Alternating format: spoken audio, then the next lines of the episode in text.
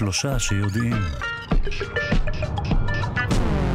שלום לכם, החיסון של פייזר מפני נגיף קורונה יעיל במניעת ההדבקה ובמניעת תחלואה קשה בכל קבוצות הגיל. כך עולה ממחקר עצום בהיקפו שנערך בישראל. שני מיליון בני אדם השתתפו במחקר הזה, מה בעניין תופעות הלוואי? מיד כל הפרטים על המחקר העצום בהיקפו, כפי שאמרנו.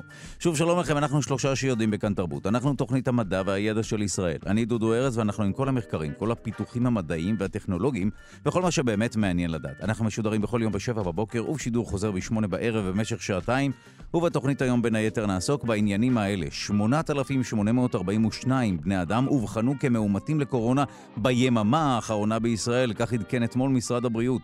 עלייה במספר החולים במצב קשה, שעומד כעת על 703 חולים, 153 חולים מונשמים. מבצע החיסון השלישי צפוי להתרחב לכלל קבוצות הגיל, עד כה חוסנו במנה שלישית בישראל 2 מיליון בני אדם.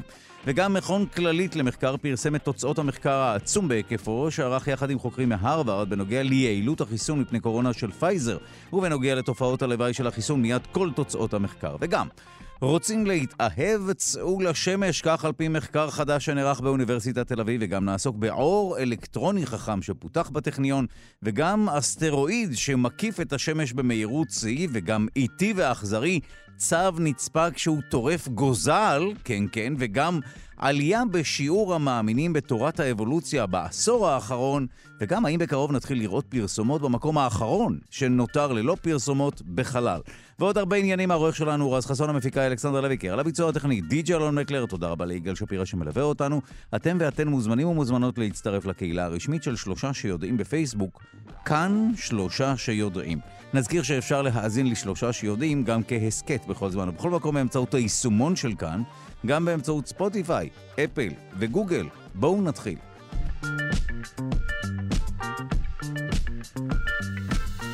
החיסון מפני קורונה של פייזר בטוח ותופעות הלוואי שלו אינן משמעותיות בהשוואה לתופעות הלוואי של הידבקות בנגיף. כך עולה ממחקר ענקי שנערך בישראל ופורסם בכתב העת New England Journal of Medicine. את המחקר הוביל מכון המחקר של שירותי בריאות כללית והוא מסתמך על נתונים של כשני מיליון מבוטחים של הקופה. הוא נערך בשיתוף אוניברסיטת הרווארד. אנחנו שמחים לומר שלום למי שערך את המחקר, בין היתר פרופסור בן רייס ממכון כללית למחקר וראש קבוצת הרפואה המנבאת אוניברסיטת הרווארד, ארצות הברית. שלום. בוקר טוב לך. אנחנו נשמח לשמוע אה, על, על כל הממצאים של המחקר המאוד מאוד מסקרן הזה. תודה. אז בגדול בדקנו את תופעות הלוואי, הן של החיסון והן של הידבקות בקורונה ללא חיסון. מצאנו משהו מדהים. תופעות הלוואי הקשורות לחיסון הן מעטות, נדירות ולרוב קלות. לעומת זאת, תופעות הלוואי הקשורות להידבקות בקורונה ללא חיסון הן רבות, שכיחות ולרוב חמורות. זאת אומרת, אה, שוב, אה, אני משער שיהיה מי שיגיד, ואם אני לא נדבק בכלל וגם לא מחוסן, אז אני לא צפוי לתופעות לוואי. אבל כמובן שאף אחד לא יכול לערוב לכך שהוא לא יידבק בנגיף. אכן, אתה צודק. במיוחד עם זן הדלתא, שלפי כל ההערכות וגם התוצאות, אנחנו רואים שהוא מאוד מאוד מדבק. אז uh, לעמוד ולחשוב, אני אישית לא אדבק, זה אה, wishful thinking, כמו שאומרים באנגלית. האמת היא שוודאי באיטרציה הזו של ההידבקות, שקשה לחמוק מלהידבק. זו התחושה לפחות. נכון. אז כל מי שבעצם אה, חושב או חושש מלהתחסן בגלל תופעות לוואי כאלה או אחרות, שידע את הדבר הבא. בדקנו ספציפית גם אה, תופעת לוואי שקוראים לה מיוקרדיטיס, שזה דלקת שריר הלב, משהו שהיה בחדשות שקש... אה, בקשר לחיסון. ומצאנו שמחד, אה, בחיסון, אה, שכיחות דלקת שריר הלב, של מקרים, אה, מקרי יתר של דלקת שריר הלב הקשורות לחיסון, היה כמות ממש ממש קטנה, 2.7 פר 100 אלף מתחסנים, רק 2.7 פר 100 אלף. מאידך, שבדקנו את אותה תופעת לוואי הקשורה להידבקות ללא חיסון, המספר היה 11 ל-100 אלף. זאת אומרת, הרבה, הרבה יותר גדול, סדר גודל יותר גדול.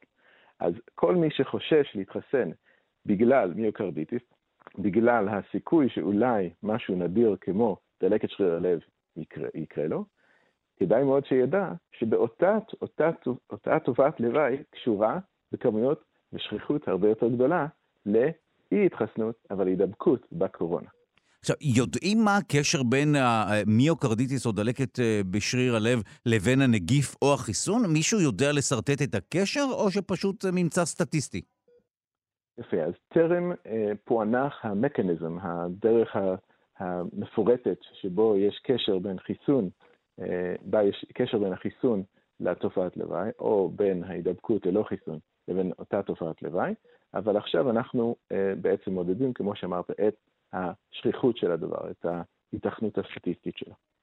אוקיי, okay, אז בוא נגלגל את השיחה לאחור. דיברנו מעט על תופעות הלוואי. בוא נדבר על האפקטיביות, היעילות של החיסון. מה בדיוק מצאתם במחקר בכל הקשור ליעילות של החיסון?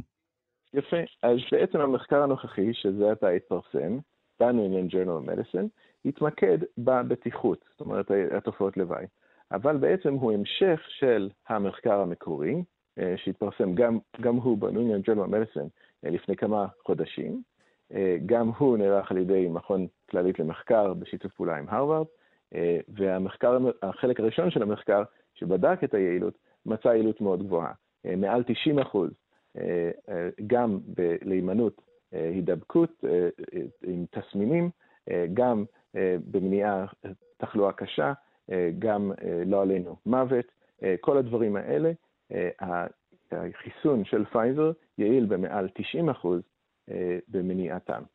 עכשיו, יודעים לחבר בין הזמן שבו התחסנתי לבין אפקטיביות החיסון? זאת אומרת, כי אנחנו, הנה, אנחנו מתבשרים שאנחנו צריכים מנה שלישית, כבר מעל שני מיליוני בני אדם מחוסנים במנה שלישית. זה אומר שמה, שהיעילות של מה בדיוק בחיסון פוחתת? ההידבקות, התופעות הקשות, כשאני נדבק, שאלה מעולה. אז עכשיו, עכשיו אתה אה, מדבר על אה, סוגיה מאוד חשובה, שקוראים לה באנגלית waning immunity, שזה בעצם אה, חסינות דועכת לאורך הזמן. אז עוד לא סיימנו את המחקר המפורט שהסתמך על המון המון נתונים, אבל כל האנליזות שנעשו עד כה, גם על ידינו, גם על ידי אחרים, מצביעות לזה שא', אכן היעילות יורדת לאורך זמן, ישראל דוגלת בזה שהיא אחת הראשונות, המדינות הראשונות בעולם שהצליחה לבצע אה, מבצע חיסונים רחב, אבל עם הברכה הזאת שהגנה עלינו מהגל השלישי אה, בינואר, אה, יש לנו עכשיו גם איזשהו אתגר, כי הרבה ישראלים כבר עברו שבעה חודשים, שישה חודשים מאז החיסון השני שלהם. אז עכשיו יש בעצם שני אתגרים. האתגר הראשון, האם החסינות אכן דעכה במשך שישה חודשים, ורוב הנתונים והאנליזות מראים שכן.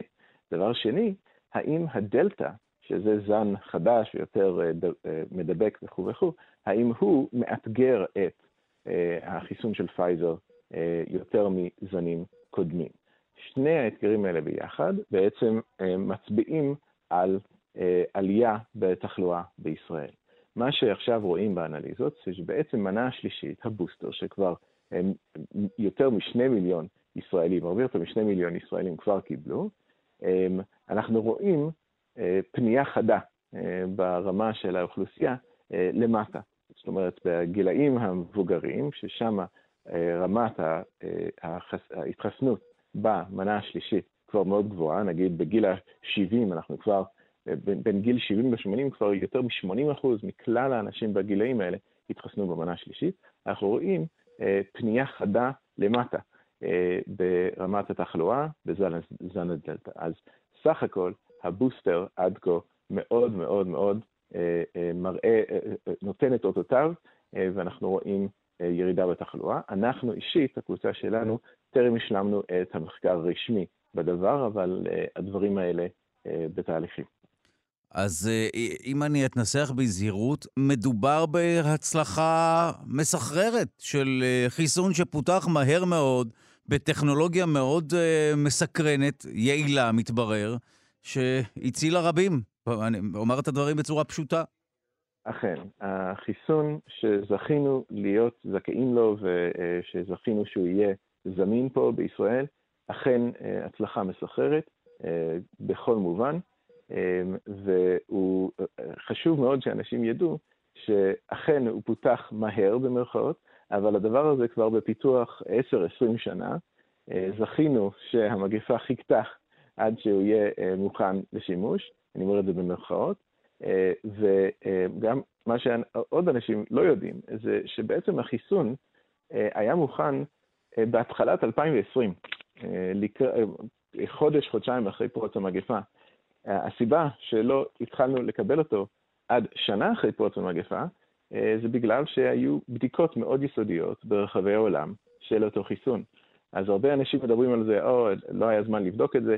כל הזמן שעבר מאז שפרצה המגפה היה מוקדש כמעט אה, אקסקלוסיבית לבדיקת אותו חיסון, ועכשיו אה, עברה כמעט עוד שנה, אה, נגיד שמונה חודשים, תשעה חודשים, אה, שכבר מאות מיליוני אנשים, אה, אולי יותר ממיליארד אנשים כבר קיבלו את אותו חיסון. אה, אז הבדיקות הן רבות, רחבות, אה, והתוצאות הן חד משמעיות. חד משמעיות, החיסון עובד והוא בטוח. ומי שחושש, ונסכם אה, או נסיים עם אה, עניין תופעות הלוואי, מי שחושש מדלקת בקרום הלב או בשריר הלב, מיוקרדיטיס או פריקרדיטיס, אלה דברים שתוקפים ביתר שאת אם אני אה, לא אהיה מחוסן ואדבק בנגיף. ולפחות פי ארבעה אני צפוי להתעוררות של דלקת כזו בהשוואה להתחסנות. אכן, הרבה אנשים טועים ומשווים את, או מנסחים את ההחלטה האם להתחסן אם לאו, אה, בשתי האופציות, האם אני אתחסן, האם אני לא אתחסן. אבל זאת לא ההשוואה. בעולם האמיתי, במציאות, ההשוואה היא ככה, האם אני אתחסן ואגן על עצמי אה, מול נגיף הקורונה, או האם אני אסתכן בסיכון המאוד מאוד אמיתי להידבק בקורונה ללא חיסון. ואלה שני התרחישים שצריכים להשוות ביניהם, וההשוואה הזאת שהתבצעה במחקר הזה שזה עתה יצא, אה, מראה תוצאה חד משמעית. הרבה יותר, בסדרי גודל, הרבה יותר מסוכן אה, להידבק בנגיף ללא חיסון, לעומת התופעות לוואי המאוד נדירות של החיסון עצמו. טוב, אז הנה, אלה הנתונים אחרי, כפי שאמרת, אה, מאות מיליוני אנשים שחוסנו, זאת אומרת, זה כבר לא איזשהו ניסוי ראשוני וכולי, אנחנו כבר מכירים את תופעות הלוואי, פחות או יותר מבינים את ההיקפים שלהם, ועדיין מי שעורך אה, את ההשוואה, אפילו המספרית, הסטטיסטית, כמובן שעדיף להתחסן. אכן. טוב, תודה לך, פרופ' בן רייס, מכון כללית למחקר וראש קבוצת הרפואה המנבאת, אוניברסיטת הרווארד, ארצות הברית. תודה. תודה לך, יום טוב.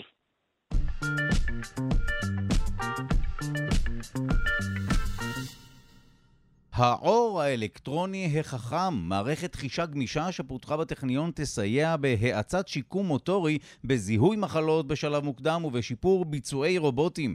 מדובר במערכת חישה גמישה, קטנה וזולה, שפותחה בטכניון, היא מוצגת לראשונה בכתב העת Advanced Materials, שבחר להציג אותה גם על השער של הגיליון, מערכת שעשויה לסייע באבחון מוקדם של מחלות, בהאצת שיקום של פגיעות מוטוריות. המערכת פותחה במעבדה של פרופסור חוסם חייק, והיא מבוססת על העבודה של דוקטור יהוא חורב שכבר נמצא איתנו על הקו, והפוסט-דוקטורנט דוקטור אה, ארנב מייטי. אנחנו שמחים לומר שלום לדוקטור יהוא חורב מהפקולטה להנדסה כימית ומכון ראסל ברי לננו-טכנולוגיה בטכניון. שלום.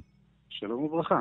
שמע, ניסיתי להציג, ככל שאני הבנתי, כמובן על פי התחקיר, את המערכת. בוא ספר לנו את הצד שלך, מה בדיוק הצלחתם ליצור? מהי אותה מערכת, אור אלקטרוני חכם? טוב, אה, אני אנסה לעשות את זה הכי פשוט שאני יודע. בסוף אה, הרעיון הוא לבוא ולאפשר ניטור ממושך של אה, סממנים פיזיולוגיים שונים על גבי אה, מטופלים או על גבי סתם כל בן אדם, במסגרת כל מה שאנחנו קוראים לו היום המחשוב לביש או האינטרנט אוף פי. זה בעצם המוטיבציה לכל העבודה הזאת. באיזה מידע מדובר? זאת אומרת, מה הדבר הזה צריך לדעת לזהות, להבין? אוקיי, אז יש הרבה מאוד דברים שאפשר אה, להשתמש במערכות כאלה בשביל ללמוד מהגוף שלנו. אה, יש מערכות שזה היה הלחם והחמאה של המעבדה של אה, פרופסור חייק, שבאות ובעצם מנטרות כל מיני כימיקלים שבאים ונפלטים מהגוף, ועל ידי כך יכולות לבוא ולזהות מחלות שונות או שינויים מטאבוליים. דברים כאלה נקראים לדוגמה אף אלקטרוני. אה, ובמקרה שלנו אנחנו מדברים על האור האלקטרוני, שמה שעניין אה, אותנו זה לבוא ולנסות למפות תנועות אה, ולנסות לתאר אותן בצורה פשוטה באמצעות מערכת חישה. כלומר, תנועה של הגוף באה ובעצם משנה אות חשמלי, שאנחנו יכולים לבוא ובאמצעות מערכת ממוחשבת לבוא ולהגיד, אה, התנועה הזאת הייתה כיפוף, התנועה הזאת הייתה פיתול, וכן הלאה. אה, כשהאתגר הוא באמת לעשות דבר שהוא מצד אחד יהיה פשוט, זול, זמין, וגם שהוא יוכל לעשות את זה בצורה מאוד מאוד מדויקת. איך עומדים בכל התנאים האלה? זה נשמע לא קל. לא קל, אבל כשיש אנשים כמו אנשים שעבדו איתי, אז זה עושה את החיים הרבה, הרבה יותר קלים. אז בוא ספר לנו דה פקטו, עכשיו, נתת לנו אה, אה, הקדמה מצוינת, אבל עכשיו דה פקטו, מה אני בעצם מקבל? האם זו באמת אה, יריעה של אור שאפשר להשתיל? זה משהו שלובשים, ואז באמצעותו אפשר לקבל את המידע, להבין מה קורה? במקרה שלנו מדובר בעצם באיזשהו בד שבאנו ופיתחנו, בד שיש לו תכונות חשמליות, הוא... מה שנקרא מוליך למחצה. יצרנו חומר מרוכב, אה, המשמעות של חומר מרוכב, הדוגמה הכי פשוטה זה לדוגמה בטון מזוין, שיש לך אה, מטריצה של אה, ברזל ועליה אתה בעצם יוצק את הבטון, אז במקרה הזה יש לנו מטריצה של חומר שהוא מאוד מאוד גמיש, שבעצם יצרנו ננו סיבים שלו, בעצם סיבים שכל אחד הוא בקוטר של בערך 200 ננומטר, ועליו בנינו אה, פולימר נוסף, שהוא בעל תכונה חשמלית. עכשיו, ב... לרוב כאלה פולימרים אז הם פריחים, כלומר הם נשברים נורא בקלות, ובצורה שבאנו ובנינו את זה, זה אפשר לנו לבוא ולקבל יריעה שאפשר גם נורא נורא למתוח אותה, אה, מה שאי אפשר היה לעשות קודם, וזה מאוד מאוד דומה לבד אלסטי. ואז את הדבר הזה אפשר בעצם להדביק או להניח על מקום שאתה רוצה לבוא לראות מה קורה, לרובוטיקה, אה, אפשר גם כן אה, לשים את זה לאנשים, אה, אפשר להשתמש על זה גם כן, מחשבה נגיד על גפיים רובוטיות. אז, אז זהו, אז בוא, בוא ננסה להבין מה, מה זה יכול לעזור לרובוט ואיך זה יכול לעזור לבני אדם, כי אלה באמת שתי פונקציות שונות, או לפחות שני מושאים שונים של הדבר. אז בוא ניקח נגיד רובוט, אם אתה רוצה לקבל איזושהי בקרה על התנועה שלו. אה, דוגמה שאני יכול לחשוב עליה ככה ברגע, זה יש אה, כל מיני אה, רובוטים מיוחדים שבאים ונכנסים לנערות מאוד צרות ומנסים למפות ולראות אם יש שם איזה שהן סכנות. ויכול להיות שאותו רובוט פתאום ייקלע לאיזשהו פיתול נורא נורא קשה, והדבר הזה יכול לגרום לו להיתקע.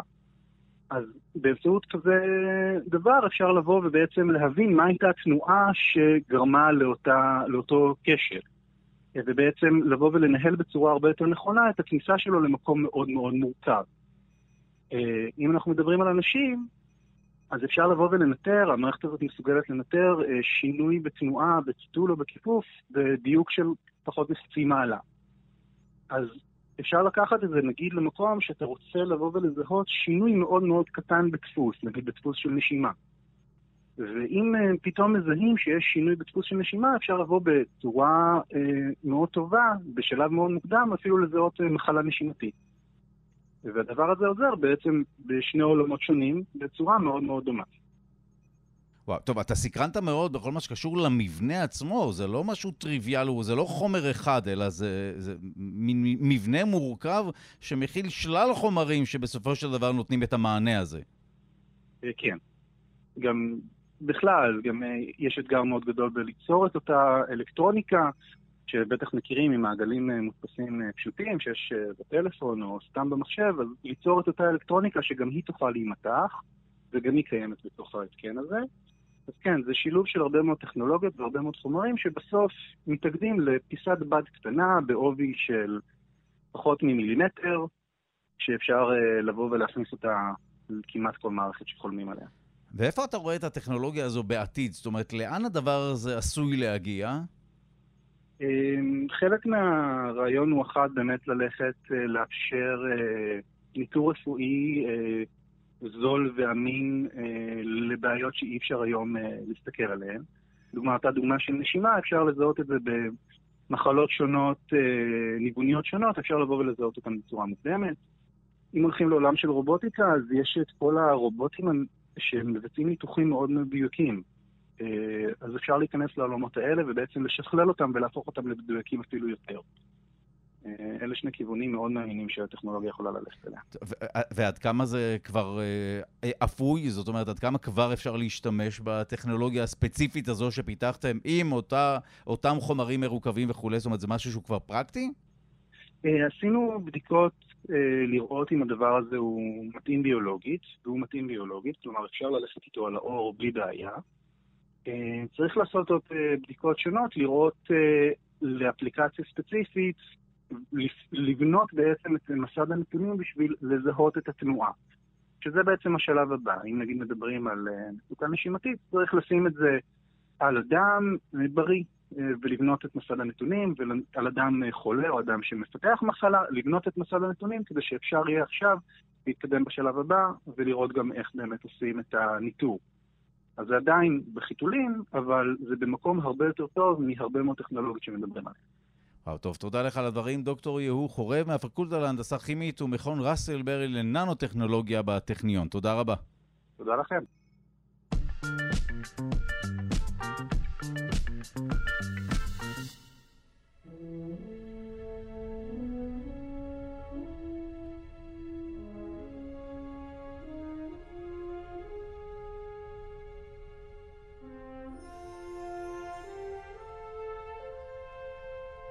אסטרואיד בשיא המהירות. אסטרואיד חדש שהתגלה לאחרונה נע סביב השמש מהר יותר מכל גוף אחר מסוג זה. האסטרואיד שמכונה PH27-2021 משלים סיבוב אחד סביב השמש כל 113 ימים. זה אורך המסלול הקצר ביותר למעט כוכב חמה, לו לוקח 88 ימים להקיף את השמש. אנחנו שמחים לומר שלום לאסטרופיזיקאי ממכון ויצמן למדע, דוקטור דוד פולישוק, שלום. שלום רב. ראשית, כמובן, כשמזכירים את המילה אסטרואיד, וכך צריך לומר, אה, הנה, אני למדתי, האם אנחנו צריכים לחשוב על זה אסטרואיד שאמור אה, להגיע לכאן, או שממש לא, הוא רק מקיף את השמש וזהו? כל האסטרואידים מקיפים את השמש, אבל אלו שמסלוליהם אה, פנימיים, כלומר מסלול מאדים, כבר מעוררים בנו חשד. ספציפית אסטרואיד מסוג זה, שהמסלול שלו אפילו פנימי לכדור הארץ, עוד יותר יכול אה, להטריד את מנוחתנו. ולמה? משום שהוא כמעט תמיד נמצא בצד של האור יום. הוא פנימי בינינו, בין המסלול של הארץ אל השמש, ולכן, אם למשל בשעה זאת, שהשמש ככה מעל ראשי, אז אני אדע שהוא אי שם בשמיים, ולכן אני לא אוכל לצפות בו עם טלסקופ. Mm. אפשר, אל... כן, אז לכן הדברים האלה הם ככה אולי מטרידים משהו. לא פוגעים בנו מחר בבוקר. אבל אה, בפירוש יכולים להטריד, כן. אז כמובן הכותרת היא אסטרואיד שאולי יפגע בנו. זה תמיד נכון, תמיד. אה, אסטרואידים במסלולים האלה, כן, הם מתישהו יפגעו בנו, או בכוכב הלכת נוגה, או בחמה, או כוח הכבידה של השמש ככה יזרוק אותם החוצה. מתישהו מיליון, עשר מיליון השנים הקרובות. כן. בוא נדבר על... אל, אל תיכנס ללחץ. לא, לא, זהו. כמובן שכדי להשיג רייטינג אה, מכניסים את הציבור ללחץ, אבל, אה, אבל, אבל כאן ננסה לומר את האמת. מאיפה הגיע אסטרואיד כזה? איך הוא נקלע למסלול סביב השמש? האסטרואידים, המקור שלהם הוא בחגורת האסטרואידים. זה מקום רחוק בין המסלולים של מאדים לצדק. אבל חלק מהם, חלק קטן מהם, אה, אה, נקלעים לאיזה מין אה, מאבק כבידתי עם כוכב הלכת צדק שזורק אותם פנימה, לתוך מערכת השמש הפנימית. ואז מתחיל למעשה מסלול חייו של האסטרואיד הזה להסתיים, תוך נאמר עשרה מיליון שנה, משהו כזה, והמסלול שלו נהיה לא יציב. הוא נכנס פנימה, מקיף את השמש, כאמור במסלולים פנימיים, אבל שוב ושוב הוא נתקל באפקט הכבידתי אם זה כדור הארץ, אה, נוגה, חמה וכו', ואז בסוף הוא מוצא את מותו בהתרסקות, או ממש הוא נזרק החוצה מהמערכת. אמ, זה הסוף של גופים כאלה. אה, גופים ספציפיים כמו החבר הזה, PH27, קראת לו, אז uh, הוא יחסית גם גוף גדול, הקוטר שלו כקילומטר, זה כבר אסטרואיד מכובד, uh, ולכן ככה עוד יותר הוא מעורר, uh, נאמר, עניין אה, אה, גם גדול וגם מסלול כזה פנימי קרוב אל השמש. עכשיו, טוב, אה, זה באמת לא משהו קטן, אבל האם הוא משפיע איכשהו, שוב, לא, לא בכל מה שקשור להתנגשות בהכרח, אבל הוא עשוי להשפיע על התנהגות של כוכבי לכת ברמת השינוי הגרביטציוני של האזור? כי אנחנו יודעים שכל דבר עשוי למשוך כל דבר. נכון, אבל כיוון שקוטרו כקילומטר, ונוגה למשל, או כדור הארץ, הקוטר שלהם כ-13 אלף קילומטרים, אז ההשפעה שלו עליהם תהיה זניחה, mm. וההשפעה שלהם עליו תהיה גדולה. אמ, אה, אז רוב הסיכויים שהוא ימצא את מותו הרבה הרבה לפני, אה, הרבה הרבה לפני כדור הארץ ונוגה. אבל השאלה היא עד כמה הגופים האלה הם אה, נדירים, או עד כמה הם שכיחים. בגלל שמאוד קשה לראות אותם, בגלל שהם רוב הזמן הם בצד של השמש, אז אי אפשר לגלות אותם. אולי אם, נגיד, ספציפית הערב, יצאו המאזינים אחרי הצהריים או בשעות הערב המאוד מוקדמות, אחרי שהשמש שוקעת, הם יוכלו לראות כוכב מאוד בהיר, ככה בצד מערב, עומד לשקוע אחרי השמש, זה כוכב הלכת נוגה. כמובן שאחרי שעה אחרי השקיעה הוא כבר שוקע. אז זה חלון ההזדמנויות של צופה אה, לגלות אסטרואידים מהסוג זה. כי האסטרואיד יהיה באזור הזה בין נוגה לבין השמש. או, לפני הש... או אחרי השקיעה, או לפני הזריחה בזמן אחר. כלומר, חלון ההזדמנויות הוא מאוד צר. ולכן אה, אנחנו אה, מתקשים לדעת מה, כמה הכמות האמיתית של הגופים האלה, כדי לדעת או, או, או להעריך את כמות הסכנה הניצבת מהם. יודעים ממה הוא עשוי? מה ההרכב הכימי שלו? בשלב זה עוד לא, בגלל שהוא רק התגלה לא מזמן, אז טרם ערכו עליו, ככל שאני יודע, תצפיות אה, ספקטרוסקופיות. אה, אה, עכשיו ספציפית הוא באמת מאחורי השמש, אז צריך לחכות עד, נדמה לי, תחילת 2022, כדי שהוא יהיה טיפה יותר רחוק, ואז אפשר להשתמש בטלסקופ כדי, לדעת ממה הוא עשוי.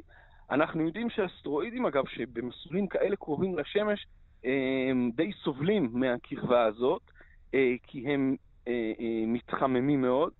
והמסלול שלו הוא קצת אליפטי, אז הוא טיפה מת, אה, מתרחק, אז הוא מתקרר, וקורה להם מה שקורה למשל לפעמים לסלע או לבטון, אפילו פה על כדור הארץ, שהוא אה, אה, מתחמם אז הוא מתפשט, והוא מתקרר אז הוא מתכווץ, והתנועה החוזרת הזאת גורמת לו לסדקים ולהתפוררות. כלומר, אסטרואים כאלה מלכתחילה סובלים יותר. האם זה מה שגורם למספרם להיות נמוך יותר? זו שאלה למשל שאנחנו לא יודעים את התשובה עליה. עכשיו, אנחנו יודעים שיש תיאוריות או גישות שלפיהן אה, החיים התחילו לאחר שלפחות זרעים, במרכאות כמובן מטאפוריים, הגיעו לכאן אה, בזכות אסטרואידים שהתרסקו לתוך כדור הארץ. יכול להיות שהאסטרואיד הזה נושא נגיפים, אה, שברי DNA, חומצות אמינו? אה, יכול להיות. אה, יכול להיות, אנחנו, זה ספקולציה גדולה. אנחנו כן יודעים שיש מים באסטרואידים, ויש למשל כל מיני חומרים, נאמר, אה, בסיסים כאלה של החיים, נגיד הזכרת חומצות אמינו, אנחנו לא יודעים לגבי האסטרואיד הזה, אבל כן, אסטרואידים שנעים במסלולים שחוצים את המסלול של כדור הארץ, אה, כן, הם יכולים להתנגש בנו ולהביא איתם אה, דברים כאלה, אבל האם גם אה, DNA וחיים וזה, זה בשלב הספקולציה הרחוקה. אה, אם הייתה לי תשובה, תאמין לי, היית הראשון שהייתי הולך אליו להגיד לו. זו, זו התשובה המנומסת ביותר שקיבלתי במקום לומר לי, לא ואתה מבלבל את המוח, אבל, אבל אני אוהב את הסבלנות המדעית שלך. אה, אוקיי, תמיד מסקרן כמובן אסטרואידים ו, וגופים כאלה, האמת שקילומטר אה, קוטר זה משמעותי, זה לא משהו ש... זה כן, לא כן, גרגר אבק. בהחלט. אה, לפני אה, שמונה שנים, שמונה שנים, גוף אה, התפוצץ, כזה, באותו סגנון, נכנס מהכיוון של השמש, התפוצץ מעליר בשם צ'ליאבינסק. הפיצוץ שלו גרם לכזה shock wave, גל הלם ששבר שם זכוכיות וחלונות בעיר שהייתה מתחת, בצ'ליאבינסק, ונפצעו מזה כאלף איש. האסטרואיד הזה, הקוטר שלו בסך הכל היה 20 מטרים. פה מדובר בקילומטר אחד, אוקיי? כלומר, אתה מדבר על אה, אה, אה, אה, נזק שהוא יכול להיות הרבה יותר גדול עם פגיעה של גוף כזה. אבל כאמור, בשלב זה הוא עוד מסלול רחוק, כך שלא לא, לא נראה שיש סכנה נוכחית ממנו. טוב, תודה לך על הדברים, האסטרופיזיקאי דוקטור דוד פולישוק ממכון ויצמן למדע. תודה. בשמחה להתראות.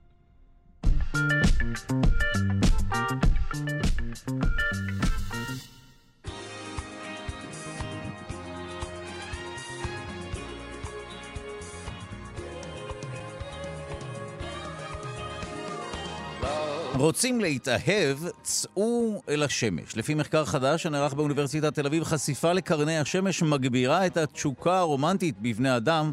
מעניין אם יש שם התייחסות ללחות מיד נבין. המחקר נערך בהובלת הדוקטורנטית רומא פריק ואשחר סורק מהמעבדה של פרופסור כרמית לוי שכבר נמצאת איתנו על הקר. הטיפול של הנסיינים אה, שטופלו בפוטותרפיה, מיד נבין מה זה אומר, ב-UVB, כבר אפשר לדמיין כמובן מה זה פוטותרפיה, אה, נעשה במרכזים הרפואיים איכילו ואסותא. התגלית פורצת הדרך פורסמה ככתבת שער בכתב העת סל ריפורט. אנחנו שמחים לומר שלום למי שבמעבדה שלה אה, נערך המחקר הזה, מי שאחראית על המחקר, פרופסור כרמית לוי, מהמחלקה לגנטיקה של האדם וביוכימיה בפקולטה לרפואה, אוניברסיטת תל אביב, מובילת המחקר. שלום. בוקר טוב. אה, אה, אנחנו בימי שמש, מה זה אומר? אה, קודם כל, אנחנו תמיד שמחים כמובן לעסוק בדברים שהם לא רק קורונה וכולי, אלא משהו קצת אופטימי. בואי נדבר על הקשר בין קרני השמש לבין תשוקה רומנטית. מה בדיוק בדקתם ומה מצאתם? תראה, המעבדה שלי עוסקת אה, בחקר סרטן עור מלנומה. זה המומחיות שלנו. ויד ליד, בין היתר, הגענו לחקור את ההשפעה של UVB, חלק מקרני השמש, על, עלינו, חוץ מעבר להר של נזקי DNA. הוצאנו סטודנטים לשמש, ביקשנו מהם לא להיחשף כמה ימים לפני כן, הוצאנו אותם לשמש, לקחנו להם דם לפני ואחרי החשיפה לשמש. וזה היה מדהים לגלות מה הדברים שמשתנים לנו בדם אחרי 20 דקות בשמש. די, מה? לא, לא להישרף, לא תא, משהו עדין. אה, כל המערכת, ראינו עלייה של מערכות של מטאבוליזם, תיאבון, אה, מערכת חיסון משתוללת. אה, מה זה משתוללת? עולה, דברים משתנים. ובין השאר גם כל ההורמונים שאחראים ל... למין, הורמוני המין. ראינו סממנים לכך שהמערכת הזאת עולה גם כן, משתנה.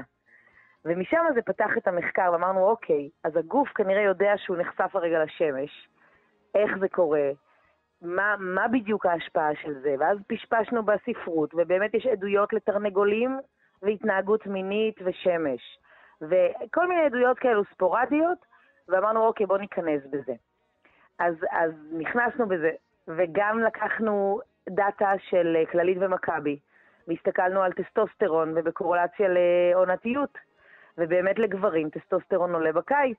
טסטוסטרון, חלק מההשפעות שלו זה גם השפעות מין, על התנהגות מינית. והדבר השלישי שעשינו בבני אדם זה פנינו לאיכילוב ולאסותא ונתנו שאלונים של תשוקה רומנטית לאנשים שעושים פוטותרפיה. אה, פוטותרפיה זה, זה לקבל קרינת UVB, גם כן בצורה עדינה ומבוקרת, וחיפשנו אנשים שמח, שמקבלים UV בצורה מבוקרת, נתנו להם את התשוקה הרומנטית. אה, אני לא פסיכוביולוגית, אז פניתי לחברות שזה מה שהן עושות. קרן מיכאלי עשתה את האנליזה. חלק מהאספקטים של אה, תשוקה רומנטית עולים באופן סיגניפיקנטי, גם אצל גברים וגם אצל נשים, אחרי טיפול ב-UVB.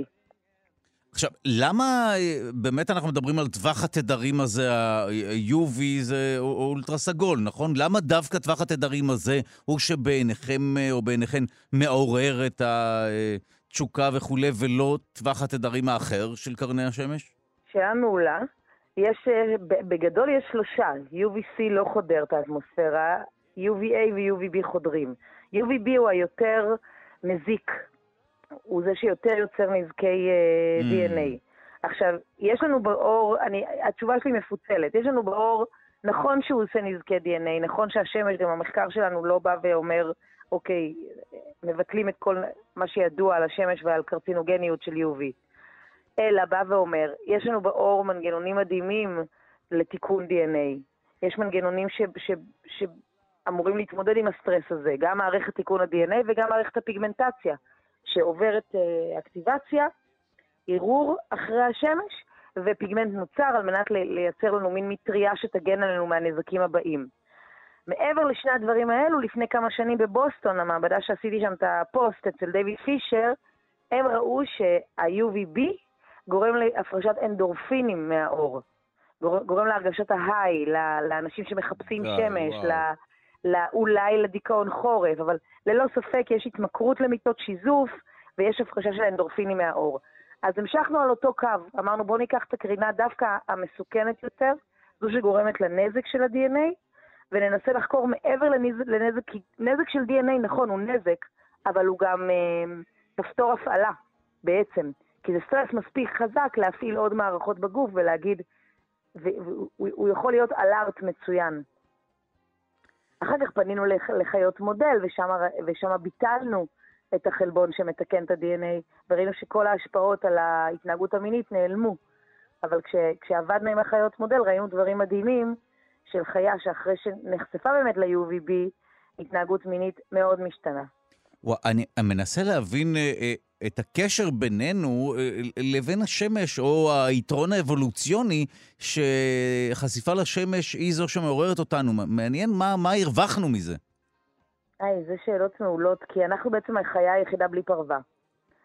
אז, אז המחקר בעצם אומר, יש לנו אור, שזה האיבר הכי גדול, והוא חוסה, הוא, הוא, הוא כל הזמן קולט דברים.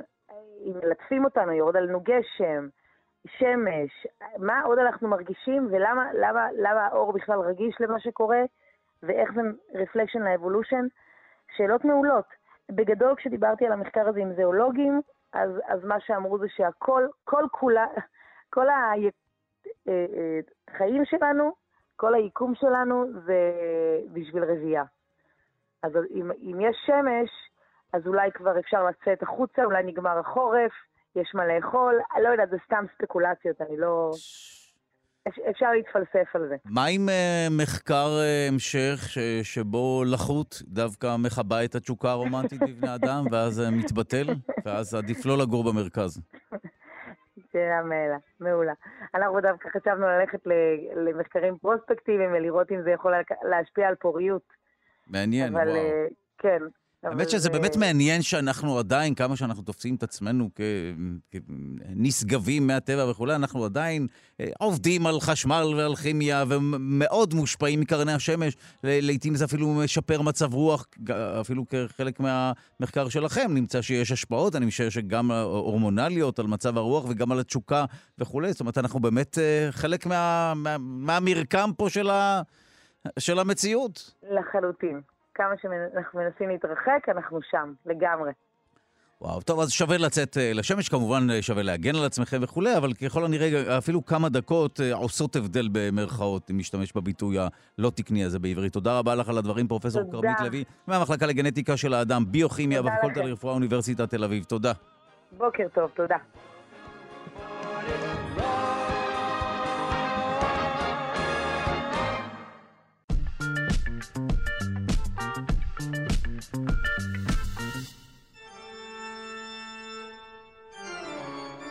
עלייה בשיעור המאמינים בתורת האבולוציה בעשור האחרון, על פי נתונים שנאספו בארצות הברית במהלך 35 השנים האחרונות, בעשור האחרון חלה עלייה בשיעור המאמינים בתורת האבולוציה. החוקרים שניתחו את הנתונים משייכים את העלייה לחשיפה לתכנים מדעיים בבית הספר ובמוסדות להשכלה גבוהה, ירידה ברמת הפונדמנטליזם הדתי ועלייה ברמת האוריינות המדעית. אנחנו שמחים לומר שלום למומחה לאנטומיה ואבולוציה של האדם מהפקולטה לרפואה על שם עזריאלי באוניברסיטת באוניברסיטת בר אילן.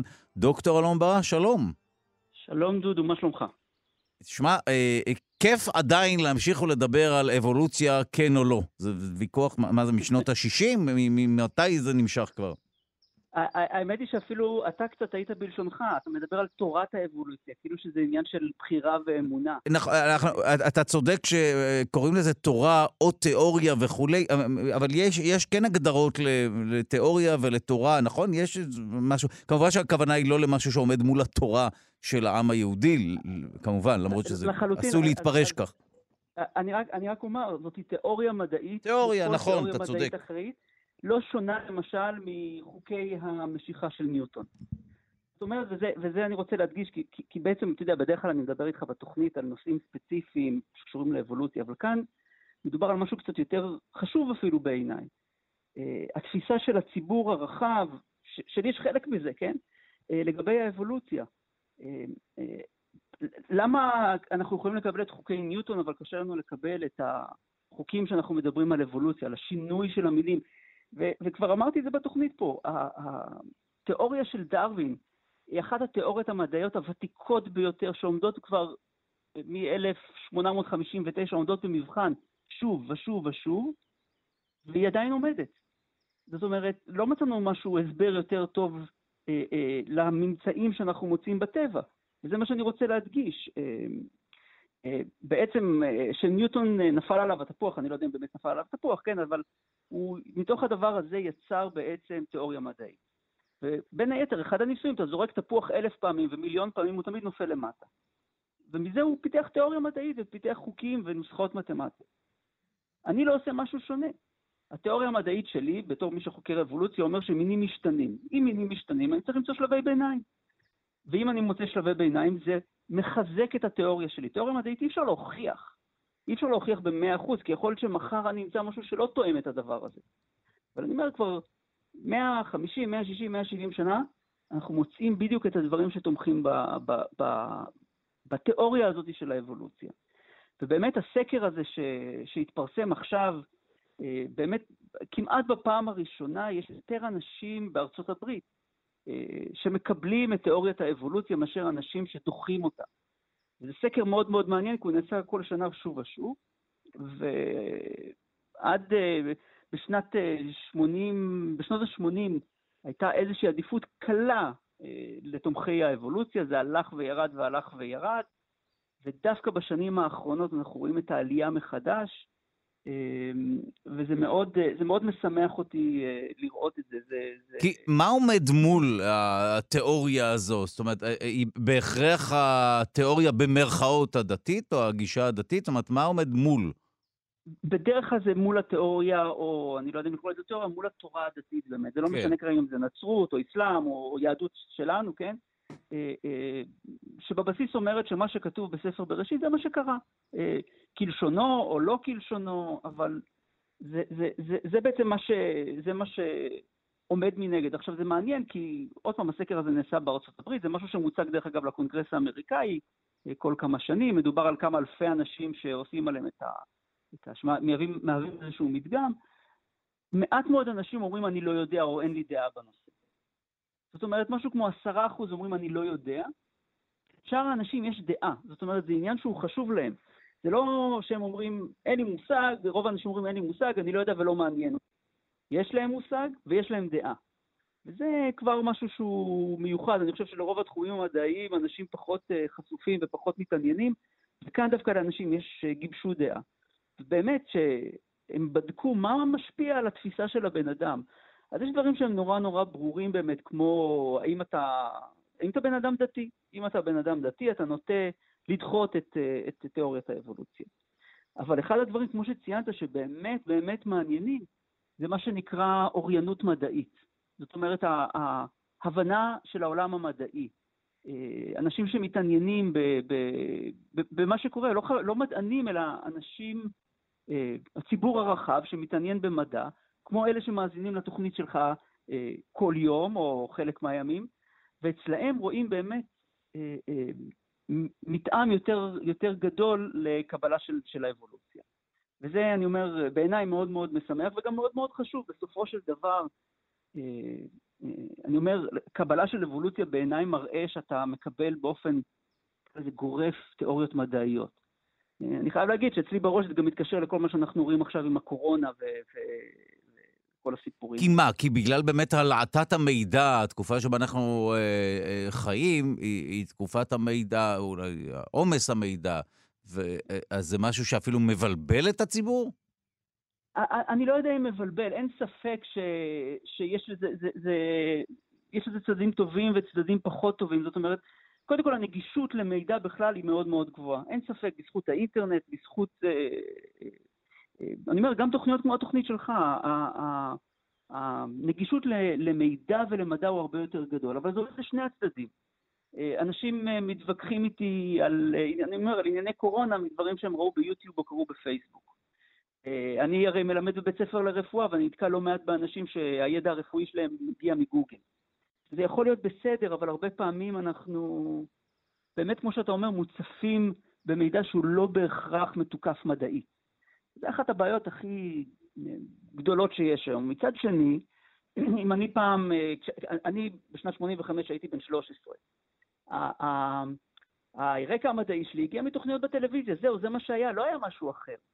לא היה אינטרנט אה, לפתוח, ואם היו לי שאלות מדעיות, או שהלכתי לספרייה ופתחתי ספר. נכון, אנציקלופדיות גם היו, כן. כן, בבתים, בדיוק, נכון. בדיוק. גם, גם לי היה את האנציקלופדיה העברית וכל הדברים האלה. זה היה הרקע המדעי, זה מה שהיה לנו, ומי שהתעניין אה, אה, טרח ללכת לצורך העניין לספרייה, ומי שלא התעניין לא עשה את זה. אה, ובאמת היום המידע הרבה הרבה הרבה יותר נגיש. אני, אני חייב להגיד, הסיפור הזה של אבולוציה הוא, הוא מקובל על המדע כבר, אה, אני חושב שזה אחד התיאוריות המדעיות באמת, שכבר ברגע שהיא פורסמה, אומנם גררה הרבה מאוד ביקורת, אבל היא די התקבלה באופן מהיר. אה, ומדי פעם אנחנו שומעים על מדענים שכאילו נגד אבולוציה, אבל זה אנקדוטי לחלוטין, זה ממש מתי מעט. ו- ואמר כבר מי שאמר, אה, קראו לו תאודוס דובז'נסקי, ש-Nothing in biology makes sense except in light of evolution. כל דבר בביולוגיה, כל דבר בעולם המדעי, אה, הביולוגי, הוא, הוא ממש מואר באור אחר כשאתה מסתכל מהצד האבולוציוני של הדבר. זה, זה נכון גם באבולוציה של האדם, גם באבולוציה של בעלי חיים, אבל גם באיך שהקורונה מתפתחת. כשאתה מסתכל על זה בנקודת מבט אבולוציונית, it makes sense. ואתה יכול אפילו לחזות קדימה מה יקרה עם הווירוס הזה. ועם וירוסים אחרים באופן כללי, יש לנו המון המון דוגמאות לדבר הזה. וזה משהו שהוא מאוד, מאוד מעניין, מאוד מסקרן. אני מאוד מאוד מקווה שאנחנו לא מדברים פה על איזושהי מטוטלת, אנחנו רואים שזה הולך לכיוון... אני משער שכמו שאני מכיר את האנושות, מניסיון חיי מדובר באיזושהי תנועת מטוטלת, אבל ככל הנראה לא דרמטית כל כך. נכון, נכון. אני, אני, רק, אציין, אפילו שבוע שעבר יצא מאמר על, על, על מין חדש של קדם לוויתן שמצאו במצרים. מה מיוחד בקדם לוויתן הזה, בין בערך 45 מיליון שנה? שיש לו ידיים ורגליים.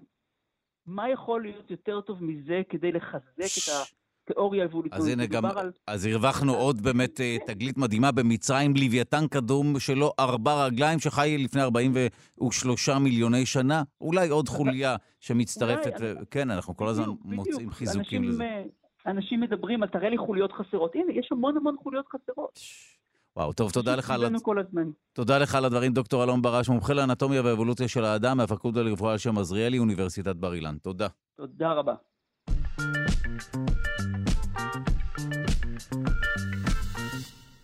ובמסגרת פינת החדשנות ברפואה, כיוונים חדשים למדידת גיל ביולוגי בהשוואה לגיל כרונולוגי בעידן הבינה המלאכותית, ואולי זה אפילו קשור לקורונה. שלום למומחית לחדשנות ברפואה, דוקטור מיכל חמולוטם, שלום. שלום, שבוע טוב. מה זה אומר גיל שהוא לא כרונולוגי? אז באמת אנחנו יודעים מה זה גיל כרונולוגי, זה מתי שנולדנו, התאריך היום מינוס מתי שנולדנו. וגיל ביולוגי זה מונח שהוא כבר מוכר. אנחנו יודעים, רגע, יש אנשים שבעצם הגיל הביולוגי שלהם צעיר, אנחנו רואים עליהם, הם נראים צעירים, הם בכושר, הם מלאי מרץ, ויש אנשים שבגיל 50 נראים כמו בני 80 שבקושי זזים. יחד עם זה, זה משהו חובבני, זה איך דברים נראים. המדע אה, הולך, כל מדע הזקנה עכשיו הוא בתחום חם ולוהט, והתחום שהכי, אולי הכי מתפתח בתוכו הוא הנושא של שעוני הזדקנות ביולוגיים שקשורים במרקרים, בכל מיני סמנים בתוך הגוף שלנו. והראשון שהוצג היה ב-2013, ואז מאז התחילו עוד ועוד חוקרים להשיג כל מיני שעונים שקשורים בסמנים בגוף של דלקת, של קצב חילוף החומרים, הרי אנחנו יודעים שהמיטוכונדריה, בתי הייצור של האנרגיה קשורים בהזדקנות, בחלבונים, בחיידקי המעי, המייקרוביום והגוף, ואפילו בגנטיקה ובגנים שמתבטאים. ופרופסורית בשם מורגן לוין פיתחה שעון הזדקנות ביולוגי, שהוא בעצם יכול לנבא גם את תוחלת החיים הבריאה, הרי זה המטרה. לא סתם להאריך ימים, אלא להאריך ימים בריאים. לשעון הזה קוראים פינו-אייג', ואיך היא עשתה את זה? היא בעצם לקחה את כל המדדים, את כל הסמנים או המרקרים האלה, ובאמצעות אלגור... עם דאטה של הרבה מאוד אנשים עם התחלואה שלהם, באמצעות אלגוריתמיקה היא יצרה את אותו המדד, את אותו השעון הביולוגי, והדבר המעניין זה שהיא גילתה שכשאנשים מזדקנים, שהפינו-אייד שלהם, השעון ההזדקנות הזה, מראה על הזדקנות מהירה, רואים עלייה של 62% בתמותה שלהם, בהשוואה לכאלה שמזדקנים יותר לאט לפי השעון הזה שהיא פיתחה.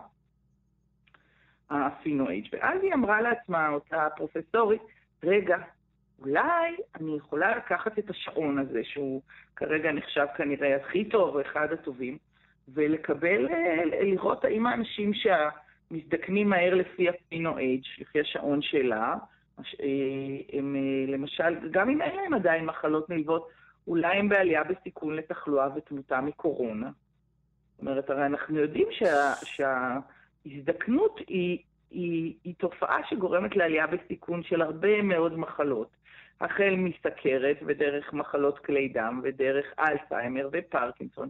והרבה מאוד קשור פה בדלקתיות של הגוף ובתגובה לדלקות. ואכן, במחקר שהיא פרסמה לא מזמן, היא ראתה שאנשים שהם, שהשעון הביולוגי, השעון ההזדקנות הביולוגי ש, שהיא פיתחה אה, אצלהם מזדקן מהר, הם באמת אה, בסיכון יותר גבוה לתחלואה קשה ולתמותה מקורונה. אז אנחנו בעצם רואים, כן, אנחנו רואים פה משהו מאוד מעניין. אותי מפחיד שחברות הביטוח ישימו את ידם על השעון הזה, ואז חגיגת נכון, הפרמיות. נכון, נכון, זאת אומרת, קודם כל, אבל אה, אה, זה בהחלט לא בשליטתם כרגע, ואנחנו לא חייבים לחלק את הדאטה. הנקודה המעניינת היא, האם בכלל רוב האנשים מודעים לזה? האם אנחנו רוצים שבן אדם ידע את השעון ההזדקנות הביולוגי? האם זה יניע אנשים, למשל, לשנות את התזונה שלהם, למשל, ל... יש תחום שלם שנקרא היום inflammaging, במקום anti-aging, בואו נוריד את הדלקתיות בגוף. אז יכול להיות על ידי תזונה של ירקות ירוקים וקטניות ופעילות גופנית והפחתת סטרס, וכמובן תרופות, ואז אולי אנחנו נדע שכל הדברים האלה שאנחנו עושים כל כך באדיקות, או לא כל כך, פתאום נוכל למדוד ולראות, או, עצרתי את השעון ההזדקנות הביולוגי שלו, אולי אפילו הפחתתי ממנו. כי יש יותר ויותר עדויות, זה ויכוח גדול בקרב חוקרים. כולם מסכימים שאפשר להאט הזדקנות, ואפילו בחלקים מסוימים לעצור, אבל הוויכוח הוא אם אפשר להפוך אחורה. יש יותר ויותר עדויות ש... גם לעצור זה מספיק טוב. אתה רוצה לעצור? היית עושה בדיקה שאומרת לך מה השעון ההזדקנות שלך, וככה מתחיל לעשות שינויים בחיים שלך, ורואה אם זה עובד לך, זה היה נותן לך מוטיבציה? אחת לדעתי כן, שתיים, כל מה שקשור לפיתוחים רפואיים, אה, תרופות, אפילו חיסונים, אני תמיד נוטה, אני, אני חובב אה, מדע וגם אוהב לנסות אותו על גופי. אה, אז גם אני חושבת, דרך אגב, שאם לאנשים היה יכולת לקבל מידע אובייקטיבי, נכון. והם היו אומרים, אוקיי, השעון, אתה בן אדם, לא אתה, את אישה בת 48, אבל לפי השעון את בת 57, הנה חמישה, לפי הבריאות המותאמת האישית שלך, חמישה שינויים, בוא נעשה איתך במה יותר קל לך שאת יכולה לעשות, וכל שנה תעקבי אחרי השעון, תראי שבוודאי הוא לא מתפתח כל שנה בשנה ואולי גם חוזר אחורה. אני חושבת שהמוטיבציה של אנשים להחזיק, כמו שהם מסתכלים על הצעדים כל יום, או על סמנים שנותנים, אני חושבת שזה היה עוזר למוטיבציה. כל זה לא היה יוצר חרדה, דאגות, סטרס בפני עצמו, אלא באמת משהו שיש לי אופטימיות ותקווה ש... אני יכולה לעשות משהו עם זה. אני חושב... מסכים לגמרי. אנחנו לצערנו, אה, אה, הסתיים הזמן, אנחנו עוברים לחדשות ומיד חוזרים לעוד שעה, אז אנחנו ניפרד. תודה רבה לך, דוקטור מיכל. אז רק נאחל תוחלת חיים בריאה ארוכה לכולנו. ודאי. מומחית לחדשנות ברפואה, דוקטור מיכל חמולוטם, תודה. תודה, תודה.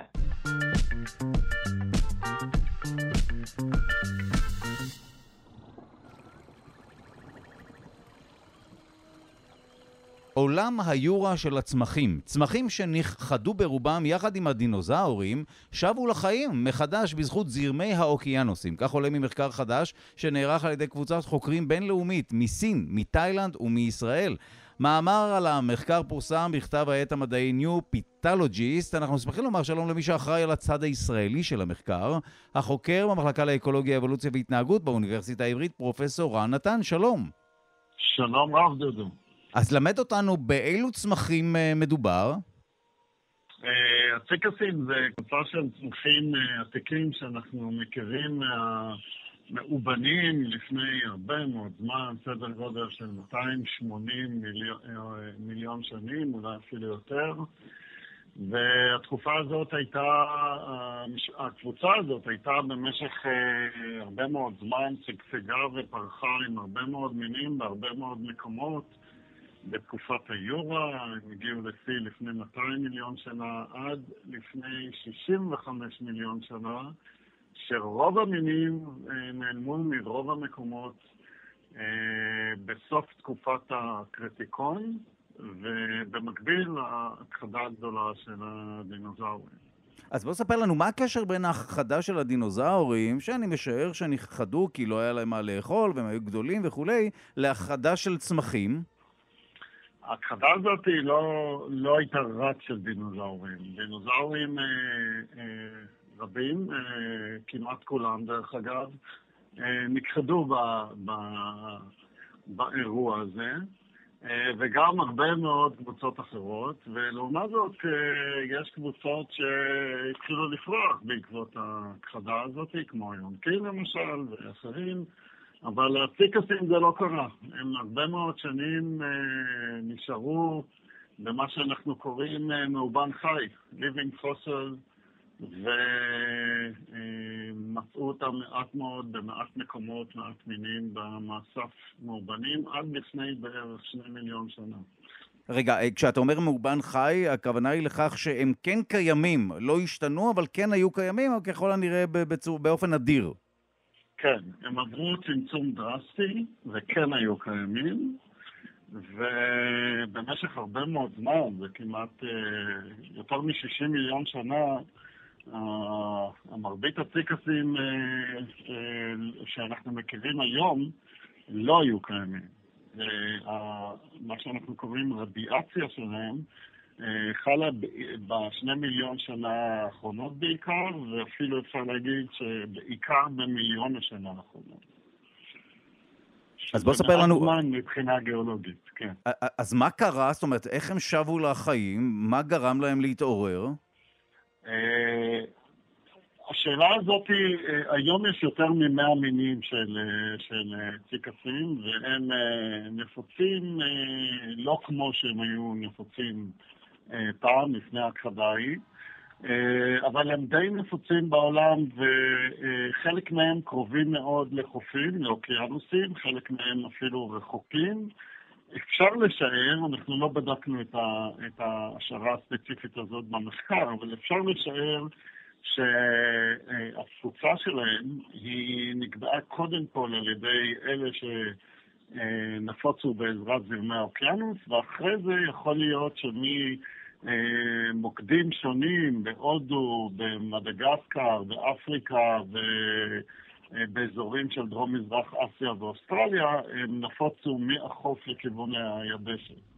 מה שאנחנו בדקנו במחקר הזה, זה את החלק של ההפצה על ידי אה, הים, על ידי זרמי האוקיינוס.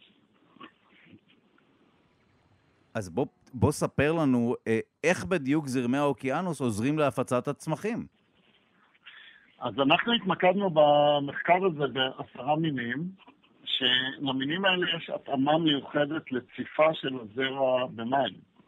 רוב הזרעים של הציקסים הם זרעים כבדים שהם שוקעים במים, ופוטנציאל ההסעה שלהם על ידי זרמי הים הוא קטן מאוד, כי הם ישר ישקעו לקרקעית ולא יוסעו על ידי הזרמים. אבל יש עשרה מינים שיש להם אה, צמחים עם אה, זרעים, עם מנגנון תקיפה מיוחד, ולקחנו את העשרה אה, מינים האלה, שיש להם תפוצה בעיקר קרוב לחופים אה, של אה, דרום-מזרח אסיה והודו ומזרח אפריקה, ו... ופשוט, לא כל כך פשוט, זו פרקטיקה די מסובכת איך לעשות את זה, אבל יש מודלים של זרמי האוקיינוס, אנחנו הנחנו שהם לא השתנו הרבה ב... מיליון, שניים שנה האחרונות, זו הנחה שצריך לבדוק, אבל אנחנו פשוט הנחנו ככה. ואם זה ככה, אז אנחנו מצפים לאיזשהו דגם של uh, קרבה uh, גנטית uh, ביחס לקרבה מרחבית לפי כיווני הזרמים. זאת אומרת שיש איזשהו מקור מסוים בדרום-מזרח אה, אסיה, וממנו אנחנו מצפים לראות אה, אה, מינים חדשים יותר, שמופיעים במקומות שהזרמים מובילים אליהם. וזה בדיוק מה שמצאנו. אנחנו מצאנו בעצם שלוש קבוצות, אחת שקשורה לאוקיינוס השקט, אחת שקשורה למה שנקרא מדף סונדה, שזה באזור של האיים של, הגדולים של דרום-מזרח אסיה, והשלישית שקשורה לאוקיינוס ההודי, הודו ומדגסקר. והמקומות הספציפיים, איפה שאנחנו רואים היום את העשרה המינים האלה, מתאימים, אפשר להגיד, להפליא לתחזית של המודל של אה, זרימת האוקיינוסים, זה גם כיוון הזרמים, וגם הזמן שהזרעים האלה אה, צפים, וזה גם המקומות באוקיינוס שבהם הזרם נלכד. יש כאלה מקומות שזה בעיקר קשור למבנה של היבשת, שהזרם נלכד שם, ו, והחומרים שהוא נושא איתו מתרכזים בנקודות מסוימות, ו, ומרבית הנקודות האלה הן באמת מקומות שאנחנו מוצאים בהם את המינים האלה. עכשיו, אה, אה, פתאום פריחה של מינים כאלה זה משהו שיכול לשנות את כל מארג הצמחים? זאת אומרת, זה משהו שכמו בהקבלה לעולמם של בעלי החיים, זה משהו שיכול לערבב את כל ההיררכיה של בעלי החיים וטורפי על וכולי, או שזה חסר משמעות? אנחנו חושבים שכן, אנחנו חושבים שהשינויים במגוון הביוטי, יש לכם של מין מסוים, יכולים להיות... אה, יכולים להיות אה, לזה השלכות אה, כבירות על מינים אחרים, זה לא תמיד ככה, אבל, אבל יש מיני מפתח שהם, שהשינויים בשפעה או בתפוצה שלהם משפיעים על מערכות שלמות, ו, ואפשר להניח שמין שהיה כל כך נפוץ היה באמת מין שהיה מזון להרבה מאוד... אה, בעלי חיים, דרך אגב, הם רעילים, מרביתם, אבל אפשר להתמודד עם הרעל הזה, כמו ש... בצורה חלקית לפחות. אה, אה, ואני גם עוד אזכיר שהציקסים האלה, מי שמכיר אותם מהגינות ומהגינון, יש אותם הרבה מאוד, גם בארץ ובהרבה מקומות בעולם, הם מאוד מאוד דומים לדקלים. אבל uh, מבחינה אבולוציונית הם מאוד מאוד רחוקים מתקלים. אפשר להגיד שציקס uh, כזה הוא הרבה יותר קרוב לברוש, ודקל הוא הרבה יותר uh, קרוב לחיטה, עד כדי כך גדולים ההבדלים. אז, אז הם נראים מאוד מאוד דומה, אבל זה, מבחינה אבולוציונית הם שניהם צמחים, אפשר להגיד, צמחי זרע, אבל לא הרבה יותר מזה, לא קרובים בכלל. שמע, ובכל זאת אה, מאוד מרגש אה, אה, צמחים כל כך עתיקים מתעוררים לחיים. זה אומר שהדבר הבא יהיה דינוזאורים שמתעוררים לחיים כפי שצפו אנשי המדע הבדיוני, או שהמרחק הוא רב? דינוזאורים קיימים גם היום, כמובן, ופורחים מאוד. הציפורים, כל הציפור, מיני הציפורים שאנחנו מכירים, הם צאצאים של, של קבוצה מסוימת של ה... דינוזאורים שנקראת המנירפטורים, שאולי אנשים מכירים בעיקר את הטינוזאורוס רקס הגדול ששייך לטרופודים, שהוא קרוב משפחה שלהם. אז יש דינוזאורים גם היום והם בהחלט אה, משגשגים, אבל אני מניח שרוב האנשים מתכוונים לאותם דינוזאורים ענקיים שחיו אה, אז ובאמת אה, נכחדו. אה, קשה להאמין שמהמשפחות האלה אפשר, אנחנו לא מכירים דוגמאות כאלה כמעט, בטווח כזה גדול של זמן של קבוצות שנעלמו ופתאום הופיעו מחדש. אה, אז אה, לא סביר תחזית כזאת אה, תקרה. אפשר לצאת מהממ"דים, לפחות בכל מה שקשור לנקודה הזאת. תודה רבה לך, פרופסור רן נתן מי שאחראי על המחקר הזה, על הצד הישראלי שלו, חוקר במעבדה לאקולוגיה, אבולוציה והתנהגות, האוניברסיטה העברית. תודה. תודה רבה.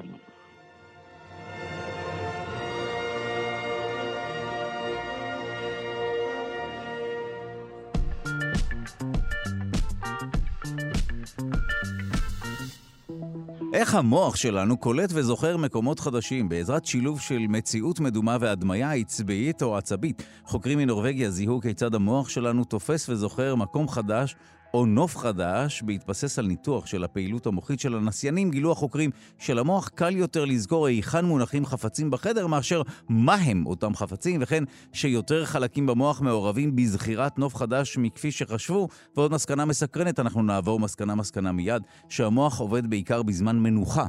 הממצאים פורסמו בסל ריפורט, אנחנו שמחים לומר שלום לדוקטור רוני כהן מהמחלקה לנוירוביולוגיה, בית הספר סגול למדעי המוח, אוניברסיטת תל אביב, שלום. שלום, שלום, בוקר טוב. אז אנחנו נשמח uh, לשמוע על תוצאות המחקר, uh, ובעיקר להבין באמת איך המוח שלנו זוכר, קולט וזוכר מקומות חדשים. אוקיי, okay, אז בוא נגיד ככה בקצרה. המחקר הזה באמת, כמו שאמרת, המטרה שלו הייתה להקליט פעילות מוחית מנבדקים, תוך כדי שבמציאות וירטואלית הם אה, חוקרים סביבה ולומדים אותה, ואחרי זה שולפים אותה. עכשיו, החוקרים הם בעצם אה, תרמו חדש לתחום בזה שהם בנו מודל ממוחשב, אה, שזה אומר אלגוריתמיקה, שמסתכלת על הנתונים מההקלטה המוחית ומסיקה איזה אזורי מוח מעורבים ומה יחסי הכוחות ביניהם, מי מהם יותר משמעותי או פחות. אז הם מצאו כמה מסקנות, כמה מהם אתה ציינת, שאני חייב לסייג אגב להגיד שהיו לנו הרבה עדויות לדברים הספציפיים האלה לפני כן. באמת, העניין הזה של... אה, אה, שאנחנו לומדים אה, יותר במהלך השנה למשל, שהזיכרונות מתקבעים, זה באמת משהו שאנחנו יודעים ויש לנו הרבה עדויות לגביו כבר כמה וכמה שנים. כך גם לגבי, יותר קל לנו לזכור איפה חפץ נמצא מאשר מה הזהות הספציפית של החפץ וכדומה. אלה הם ממצאים שהם הגיוניים ומתיישבים היטב עם מה שאנחנו מכירים, אבל אני חושב שדווקא הדבר היותר מעניין פה הוא המסקנות שלהם לגבי איך המוח עושה את זה. Okay? כי אנחנו יודעים שיש אזורים במוח שמתמחים במשהו ספציפי. בהקשר הזה למשל, ההיפוקמפוס הוא בדרך כלל מה שאנחנו חושבים עליו כשחקן מאוד מרכזי בלמידה מרחבית כזאת. מה שמעניין פה זה שהם מוצאים אה, מערכת, כפי שיהיה סיכוי של אזורי מוח שפועלים ביחד, אבל הם, אה, א', הם מוצאים אזורי מוח שבדרך כלל אנחנו לא חושבים עליהם כמאוד חשובים ללמידה הזאת, כמו האמיגדלה, כמו האזור שנקרא ventral visual stream שמדברים עליו הרבה. איך הם קשורים לזיכרונות שלנו? אז בעצם, מכיוון שזה מחקר MRI, זה מחקר ב-FMRI, שזה imaging של המוח אה, שמסתכל על איפה דם מגיע ומזה מסיק על איזה אזורי מוח פעילים. אז מניסוי כזה אנחנו לא יכולים להבין באמת איך הם עושים את זה ברמה התאית, אבל אנחנו יכולים להבין שהאזורים מעורבים בזה, ושהפעילות באזורים האלה, כשהיא מסונכרנת אחד בין האזורים השונים, זה תורם ללמידה יותר טובה. של המרחב. טוב, אה, מסקרן מאוד, ובשורה התחתונה אנחנו מבינים שקל לנו יותר לזכור, כפי שאמרת, אה, איפה דברים נמצאים ולא את הדברים עצמם, בעקבות אה, החיווט של המוח. זה, זה ככל הנראה מה שחשוב לנו לדעת. במידה מסוימת, אבל יחד עם זאת אני, מאוד חשוב לי לסייג פה אה, ולקחת את הדברים אה, בפרופורציה. כי המחקר הוא, המחקר הוא עשוי היטב, אבל אף מחקר לא משנה כמה טוב, הוא לא מבסס תיאוריה כשלעצמו. זו יכולה להיות סנונית שמבשרת את בוא האביב, אבל אולי עוד כמה שנים של מחקרים באמת ייתנו לנו אה, תמונה יותר טובה על זה. טוב, עכשיו, כן. אבל, אבל אתה הזכרת באמת, אה, אני חושב שאחת התוצאות, שוב, נחזור על אה, תוצאות המחקר. אה, קל יותר לזכור איפה דברים מונחים מאשר מהם אותם חפצים. יש הרבה יותר חלקים במוח, כפי שגם הזכרת באמת, שקשורים לזכירה, למשל, של נוף חדש. ואני רוצה שוב לדבר על העניין ש... שוב, אתה הזכרת את העניין שהמוח שלנו עובד בעת מנוחה. מה בדיוק קורה בזמן מנוחה ומה קורה כשאנחנו לא נחים? זאת אומרת, מה, עיקר העיבוד של הזיכרון קורה כשאנחנו ישנים או נחים? הייתי אומר שקשה מאוד להגיד איפה העיקר קורה, אבל מה שאנחנו כן יודעים זה ששינה לאחר אה, שלומדים משהו היא קריטית לקיבוע של הזיכרון הזה, כך שהוא באמת יישמר לטווח ארוך. וזאת אומרת שינה טובה, זאת אומרת שינה שיש בה את כל שלבי השינה, שיש בה מספיק זמן, שהיא מספיק עמוקה. בזמן שזה קורה, המוח לא נח, הוא עושה דברים שהוא פשוט שומר לתקופת המנוחה, וחלק מזה, חלק מאוד משמעותי, זה באמת בנייה של התאים. זה אה, להרחיב את החיבוריות בין התאים. זה ממש משהו פיזי שקורה במוח כמובן. כן, כן, כן. כל הדברים בסופו של דבר, ברמה כן. התאית, הם פיזיים. ומה שקורה פיזית זה שהתאים אה, בונים את עצמם קצת מחדש. כלומר, הם יוצרים חיבורים חדשים עם תאים שלא היו, הם מחזקים חיבורים שקיימים, מורידים את העוצמה של חיבורים פחות רלוונטיים, וזה יוצר את השינוי ברשת, אנחנו חושבים, שבסופו של דבר אה, בונה לנו ייצוג של הזיכרון בתוך המוח ברמה התאית, ובגלל זה השינה כל כך כל כך קריטית פה. וואו, איך, עכשיו, אה, כמי שמכיר את המחקר, היו עוד נקודות אה, חשובות שאולי שווה לספר למאזינים ולמאזינות שלנו, אה, שהן כן. תובנות כן, מהמחקר? כן, אז התובנה שאני מצאתי הכי מעניינת פה, היא באמת משהו שהתחום מוביל אליו כבר כמה שנים, זה לסגת מהקונספט הקצת מיושן הזה של אזורי מוח שהם דיסקרטיים, שכל אחד מהם עושה משהו ספציפי, mm. כלומר, אנחנו יודעים שיש לנו את קורטקס ויזואלי שמאבד מידע ויזואלי, יש לנו קורטקס אודיטורי שמאבד מידע אודיטורי, ולכן מאוד קל לנו אינטואיטיבית להניח שכל אזור זה מה שהוא עושה. אבל בעצם מה שאנחנו מוצאים במחקר הזה ומהרבה מחקרים אחרים, זה שהמוח לא פועל ככה, שהאזורים השונים הם פועלים כרשת אחד עם השני. יש אזורים שמתמחים יותר בדברים מסוימים, אבל בסופו של דבר כל אחד מהם תורם את החלק שלו, והכל פועל ביחד. זה קצת מזכיר לי את מה שחשבו פעם על הלשון, שיש טעם בכל פינה, טעם אחר, ובסוף הבינו להיות. שזה הכל, אה, כנראה שזה משהו הרבה יותר מורכב מזה. קל וחומר, משהו כמו המוח שלנו. זו מסקנה שלא מפתיעה אותי, אבל אה, היא, היא ודאי... היא לא מפתיעה והיא מבוססת, אבל עדיין זה מאוד נחמד כן, אה, נכון. לראות אותה מאוד כיוון. וככה מדע נבנה, צעד צעד. לגמרי. אנקדוטה אנקדוטה כזאת. טוב, תודה לך על הדברים, דוקטור רוני כהן מהמחלקה לנוירוביולוגיה בית הספר סגול למדעי המוח, אוניברסיטת תל אביב. תודה. תודה, יום טוב.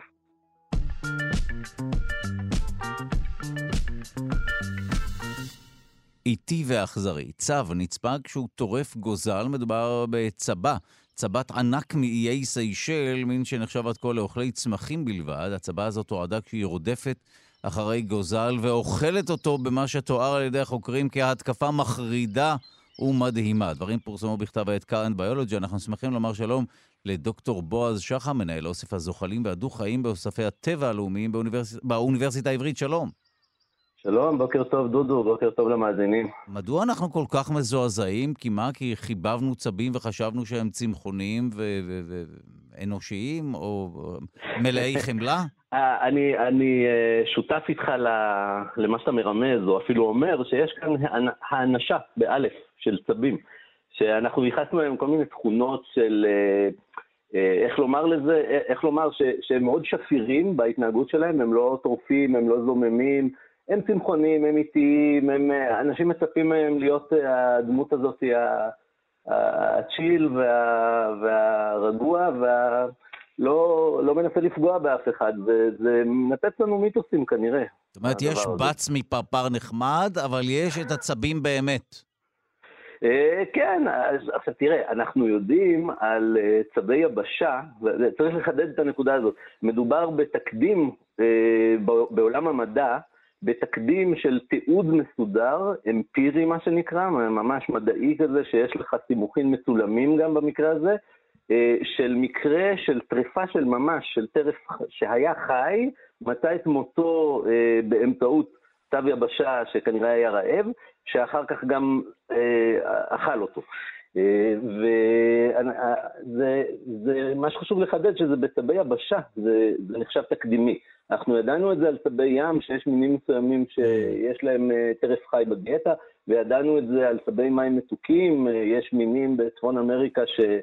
אה, מן המפורסמות שהם אה, מסוגלים אה, להוריד אצבע או אפילו שתיים אם הם נוגסים באדם, וזה משמש אותם כדי לצוד טרף חי בקרקעית של אגמים, ביצות ונחלים. אבל אנחנו לא מכירים את זה מטבי הבשה.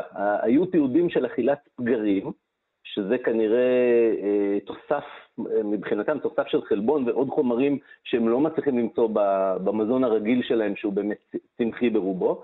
אבל לא היה כדבר הזה, מבחינת אה, תצפית מתועדת, לא היה עד עכשיו דבר כזה. אז אתה קורא כמובן אה, לשינוי התדמית הציבורית של עצבים, או לקרב אותה למה שהם באמת, וזה טורפים מרושעים? אה, אני, אני לא קורא לא לקרוא להם טורפים, וגם לא לקרוא, בוודאי שלא לקרוא להם מרושעים. אני חושב שלמדנו, הדבר שאני בכל מקרה, ו, וגם משיחות עם, עם עמיתים שלי אה, אה, בימים האחרונים, אני חושב שההתרשמות העיקרית היא שסבים הם בעלי יכולת למידה וש, וגמישות התנהגותית הרבה יותר גדולים ממה, ש... ממה שחשדנו. זו נקודה מאוד חשדנו. מאוד מעניינת, אה, כי, כי יכול להיות שבאמת משהו גרם להם לשינוי תזונה, והעובדה שהם באמת מסוגלים להתחוות מחדש או לשנות התנהגות היא מרשימה כן. בכל מה שקשור לשרידות. כן, לגמרי. עכשיו, עכשיו, החוקרים שפרסמו את המאמר הקצר הזה עם התצפית באמת המדהימה הזאת, הם בעצמם מציינים ש... שה... הסט של הנסיבות, התנאים שיש על האי שבו זה נצפה, זה נצפה באיי סיישל, באי מאוד קטן יחסית, אה, שנקרא אה, פריגטה.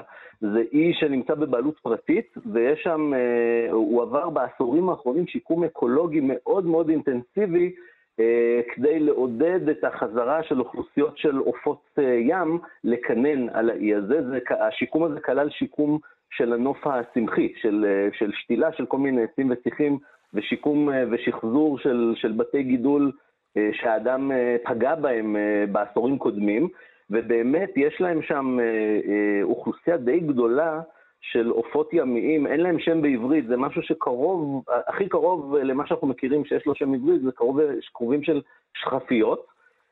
ויש שם מושבת כינון עצומה עם משהו כמו עשרת אלפים זוגות שמקננים בחלקם על עצים נמוכים, אה, שזאת נקודה מאוד מעניינת, כי ברגע שהם מקננים על עצים ולא על הקרקע, אז זה חוסך מה, מהעופות הימיים האלה, זה חוסך מהם אה, את הסכנה של טורפים קרקעיים שבאים וחוטפים להם ביצים וגוזלים, אבל זה מייצר בעיה חדשה שמפעם לפעם גוזל או ביצה נופלים מה, מהקן, מהעץ, נושרים אל הקרקע שמתחת לשטח הזה מעין חורש או יער נמוך כזה, ואז אה, אי אפשר להשיב אותם אל הקן. זאת אומרת, ההורים אין להם את הכלים אה, להחזיר אה, גוזל או ביצה ש, שנפלו מהקן, ואז כל מיני, מה שנקרא באנגלית scavengers, כל מיני מחפשי הזדמנויות ונבלות, פוגשים אותם ויכולים לטרוף אותם, בין אם הם חיים או מתים.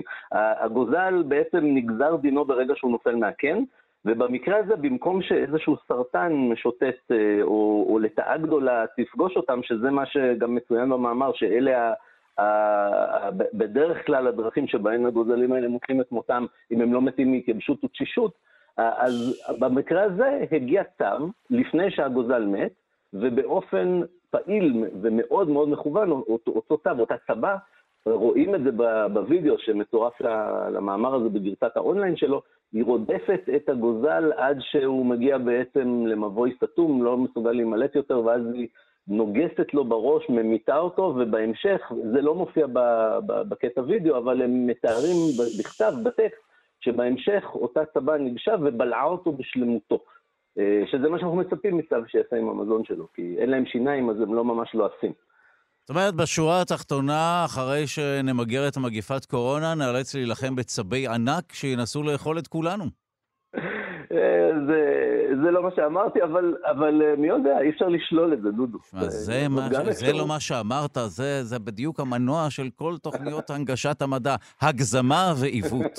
זה הכיף. זה, זה נהדר, זה, זה באמת כיף. אבל האמת שמדהים שצבת ענק, אה, אוקיי, באמת, כפי, ש, כפי שהקדמת בתחילת השיחה, באמת אמרת שאנחנו מענישים ומעניקים כל מיני תכונות שלדעתנו כך הם, אבל זה יפה לראות אם יש משהו יפה בסצנה המזעזעת הזו, שהחיים מוצאים להם דרך, וגם uh, העצבים רוצים uh, לשרוד, והנה, הם יכולים גם לשנות תזונה, או להיות קצת גמישים בכל נושא התזונה כדי לשרוד.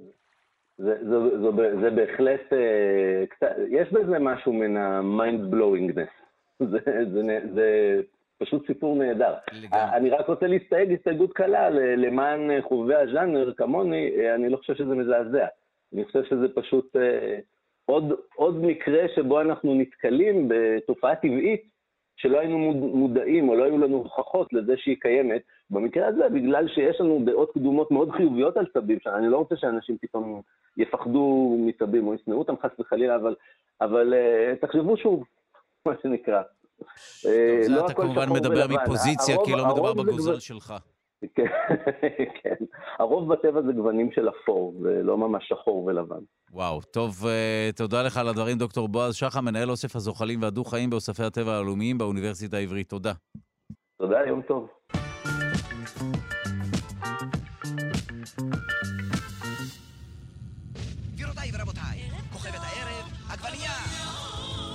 פרסום בחלל, האם בקרוב נתחיל לראות פרסומות במקום האחרון שנותר ללא פרסומות? בחלל. לוויין קטן עתיד לכלול לוח מודעות שיאפשר לכל אדם בכדור הארץ לפרסם שם את מוצריו או שירותיו.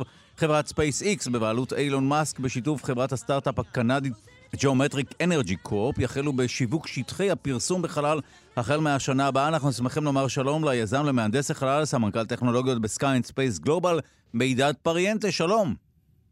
מה שלומך, דודו?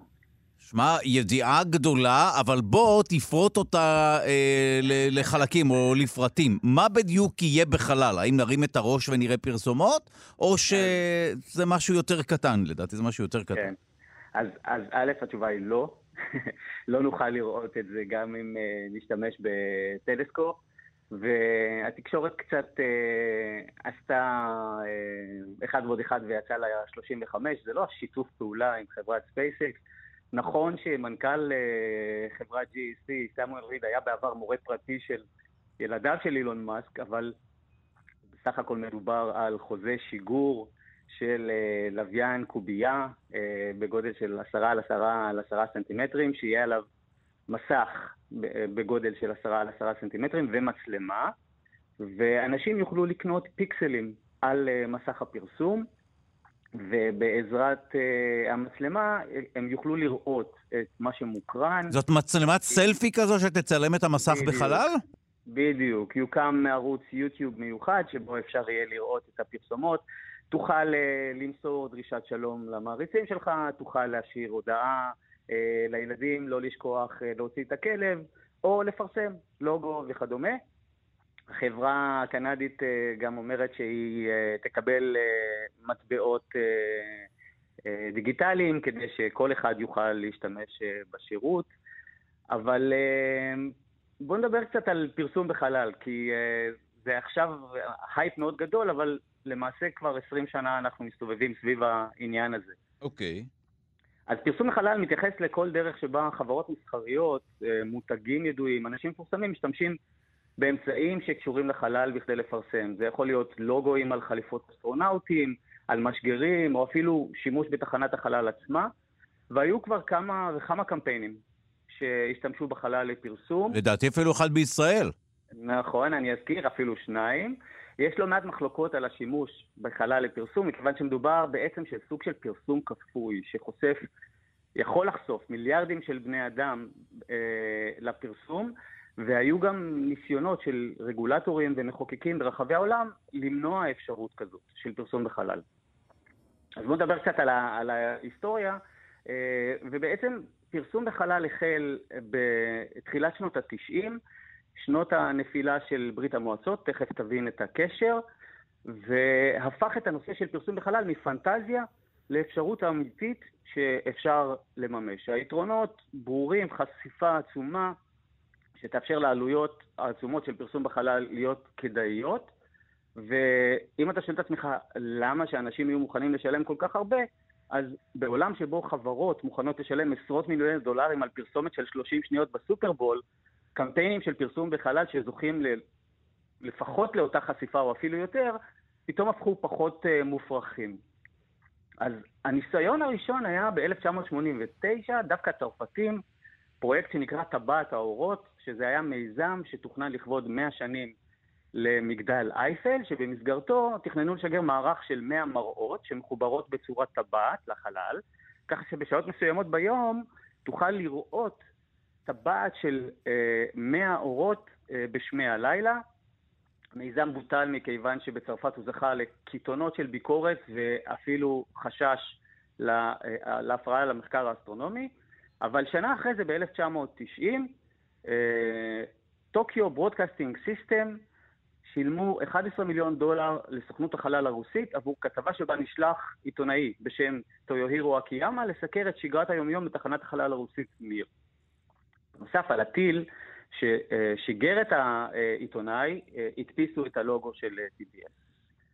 ב-1993 חברה אמריקאית בשם Space Marketing Inc. הציעה לשגר לוח פרסום, מה שנקרא בילבורד, ענקי באורך של קילומטר וברוחב של כמה עשרות מטרים לחלל, אה, והמטרה הייתה כמובן לאפשר אה, פרסום ממש כמו אה, על איילון או בכל דרך אחרת שאנחנו מכירים שמפרסמים בבילבורד, אבל המיזם הזה נעצר משתי סיבות. אחת, המדענים הסבירו למנהלי החברה שהסיכוי שהבילבורד הזה יישאר שלם ולא ייקרע כתוצאה מפגיעה של מיקרו-מטאוריטים שיגרמו לו נזק בלתי הפיך הוא כמעט אפס. והשנייה, הקונגרס האמריקאי הגיב קצת בהיסטריה ומיד uh, קבע בחקיקה שאסור uh, לשגר שלטי פרסום לחלל. אבל יש דרכים מסביב. אז ב-1996 פפסי שילמה חמישה מיליון דולר, נחש למי? אה, קשה לי לנחש. לסוכנות החלל הרוסית. שים לב שיש פה מישהו אוקיי. שמקבל את הכסף בצד השני, וזה קשור גם למה שהזכרתי קודם, לנפילת ברית המועצות. בכדי שתצלם קוסמונאוט שמחזיק פחית פפסי במהלך הליכת חלל. למעשה הוא לא החזיק פחית אמיתית, הוא החזיק חיקוי של פחית, אבל זה נתן את האות. וב-1997, הנה הגענו לנקודה הראשונה הישראלית, תנובה שלנו, שילמה כ-20 מיליון דולר לסוכנות החלל הרוסית, בכדי לצלם פרסומת... אה, כן, זה הסוכנות החלל הרוסית? אני זוכר את הפרסומת היטב, כן. טוב, נכון, אגב, אתה אומר בטבעיות תנובה שלנו, יש שיגידו שהיא כבר לא כל כך שלנו. נכון, זה נכון, ואנחנו נפתח פה סוגריים, אה, מה לא עושים בכדי לתקן פרסום שלילי, למי שלא זוכר, שנתיים לפני זה התפוצצה פרשת הסיליקון בחלב mm, העמיד. אז היו צריכים להגיע עד החלל כדי לתקן את הנזק. בדיוק. אגב, אוקיי. בקבוצת הפייסבוק אה, של אה, שלושה שיודעים, אני אשים אחר כך קישור לפרסומת עצמה, אפשר יהיה לראות אותה, היא עדיין נמצאת ביוטיוב. תשמע, אה, האמת שהקמנו את הקבוצה הזו, אבל לרגע לא חשבנו לחבר אותה ממש לאייטמים. אתה עושה פה משהו פורץ דרך, מי היה מאמין? שאפשר גם, אני בדרך כלל מעלה שם רק תמונות שלי, של אה, אלכסנדרה ושל די.ג'יי מקלר אה, הפוכים בבוקר, אבל אתה צודק שמהותית שווה להעלות לשם לינקים, ודאי לפרסומת המיתולוגית הזו של תנובה, דאז בחלל. נכון, היא גם נכנסה לספר השיאים של גינס בתור הפרסומת הראשונה שצולמה כולה בחלל. לדעתי עכשיו יש סרט קולנוע שיופק בחלל. זאת אומרת, נכון. החלל הפך להיות טריטוריה שהיא תמיד לוהטת ומבוקשת. אה, נכון מאוד. פיצה האט שלחה אה, משלוח פיצה ב-2001, זה היה משלוח פיצה הראשון בעולם של אה, פיצה פפרוני, שישה משולשים, אחד לכל אסטרונאוט. אה, ב-2006 חברה קנדית בשם Element 21, חברה שמייצרת ציוד גולף ודייג, שילמה סכום לא ידוע לסוכנות החלל הרוסית, בכדי לצלם קוסמונאוט רוסי בשם מיכאיל טיורין, מכה בכדור גולף, עליו לוגו החברה, בזמן הליכת חלל. כדור הגולף הזה עדיין נמצא בחלל. וואו. וב-2007, בתפקידי כמהנדס ראשי ודובר של העמותה הישראלית ללוויינות זעירה, הובלתי קמפיין מכירת שטחי פרסום על גבי הננו לוויין הישראלי הראשון שבנינו אז.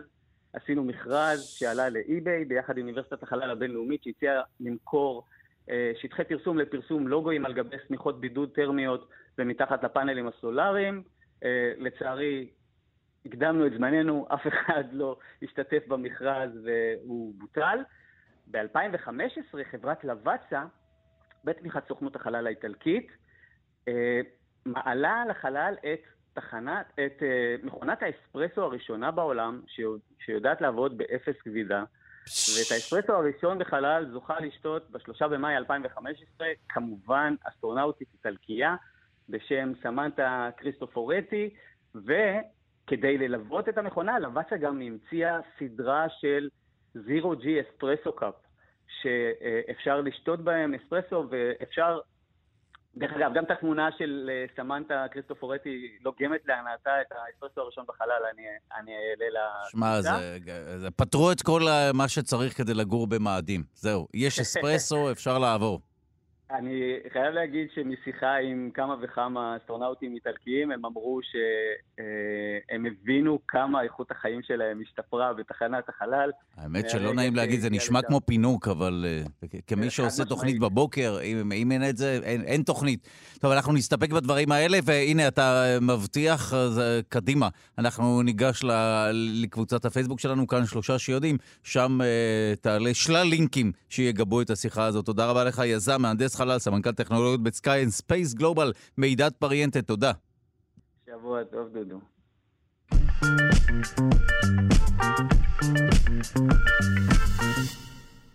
וכעת הפינה מספרת הסיפורים. פינה שבה נביא לכם בכל שבוע סיפור עמים מעניין ממאגר הסיפורים של שרון אביב. מספרת הסיפורים מנהלת מרכז גולם, המרכז הרב-תחומים למספרי סיפורים. קחי את זה מכאן, שרון.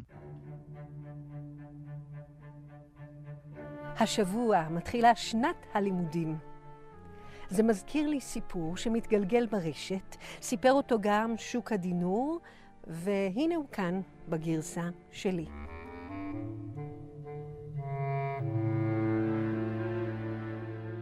זה היה בוקר סתיו, תחילת שנת הלימודים.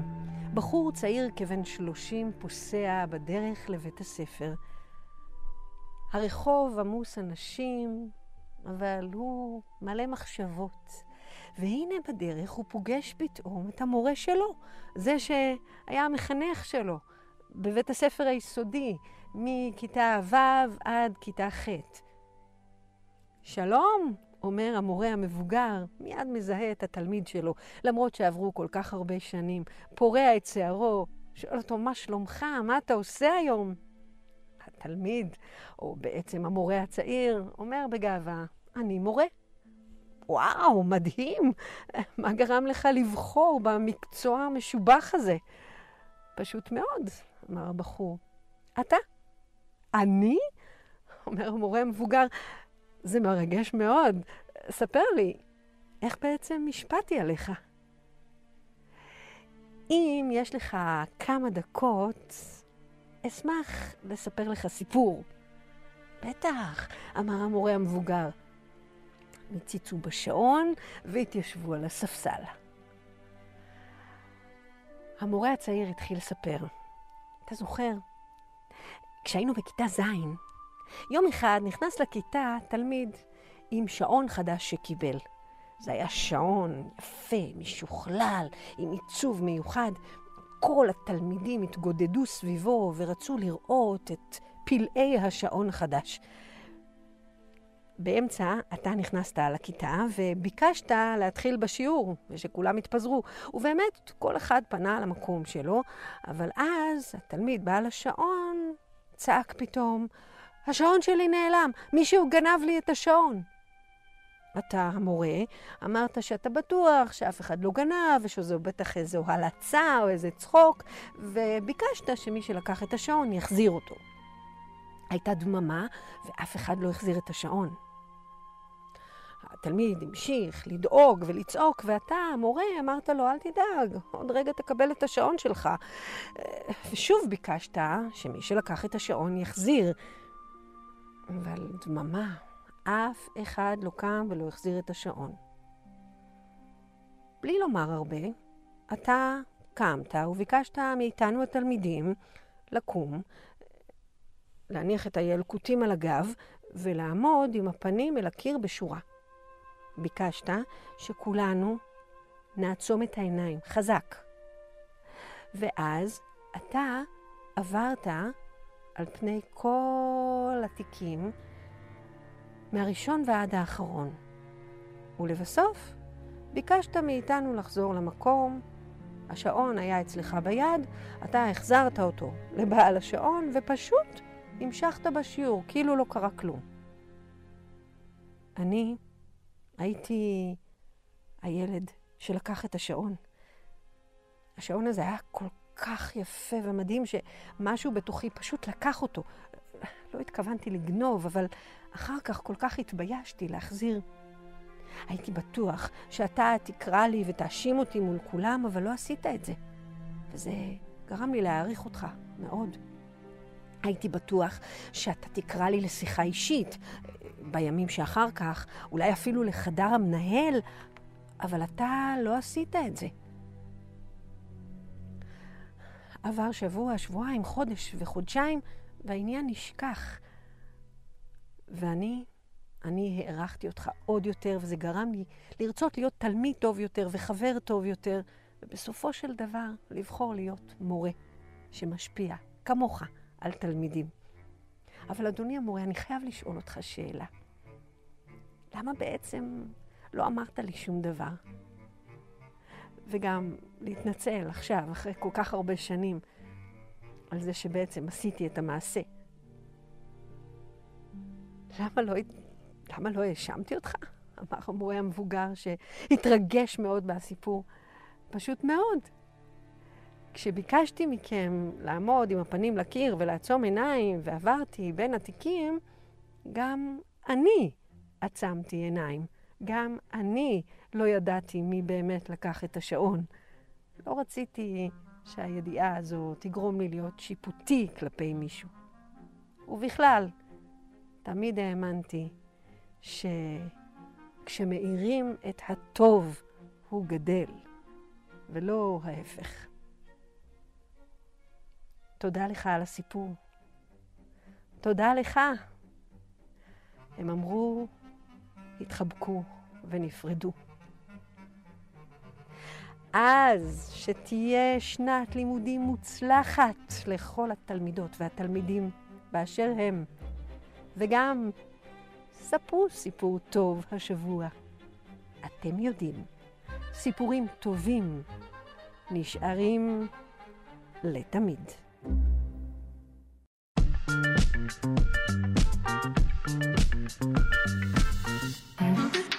ובמסגרת פינת הניסויים נעצים, שלום לביוטכנולוגית ממכון דוידסון לחינוך מדעי, בעל שמחה בוקר, שלום. שלום, בוקר טוב, דודו, מה, מה שלומך? מה עושים היום עם נעצים מלבד כמובן לפזר אותם על כבישים ולשאת בתוצאות זהו. הפליליות? אז קודם כל רציתי לשאול אותך, האם קרה לך פעם שדרכת על נעץ או כן. קוץ? נכון זה לא נעים? נו מה? אפילו, אפילו לדרוך על קוביית לגו קטנה שהילד השאיר ב... על הרצפה זה, זה ממש יכול להיות לא נעים. אמ, אז כל הדבר הזה הוא משהו שקשור ללחץ, אוקיי? הגוף שלנו, המשקל שלנו, שלוחץ על אה, משהו קטן שאנחנו נתקלים בו, וזה מתקשר גם לניסוי שאנחנו נעשה היום. אז הניסוי, כמו שאמרתי, אנחנו צריכים בלון, או שני בלונים עדיף, אה, נעץ, ולעומת הנעץ האחד, עשרה או עשרים נעצים שאנחנו ככה מקרבים אותם אחד לשני עם החודים כלפי מעלה, ובשלב הראשון, זה הניסוי ביקורת שלנו, בעצם אנחנו נקרב את הבלון לנעץ היחיד שנמצא על השולחן, כן. וכמובן שתוך שניות הוא יתפוצץ לנו בקול רעם. אה, ועכשיו ניגש לניסוי האמיתי שלנו. אנחנו ניקח את הבלון, נקרב אותו לאט לאט לעשרה או עשרים הנעצים שקירבנו ככה ויצרנו מהם משטח, ואפילו נלחץ עליו קצת, ואנחנו נראה שהבלון שלנו לא מתפוצץ. מאמין, דודו? אם כן, נס בשידור חי כאן בתוכנית המדע. אין מדע, יש רק ניסים.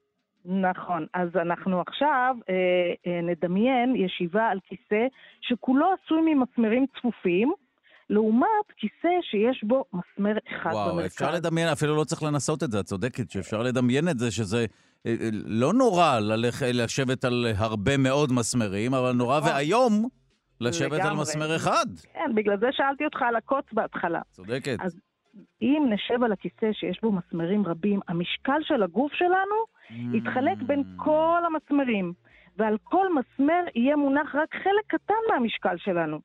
ואז הכוח שיופעל על כל מסמר, על כל קצה של מסמר, הוא קטן, ולכן זה לא יהיה כוח מספיק בשביל שהמסמר בעצם יפצע אותנו ויצליח לחדור את האור שלנו.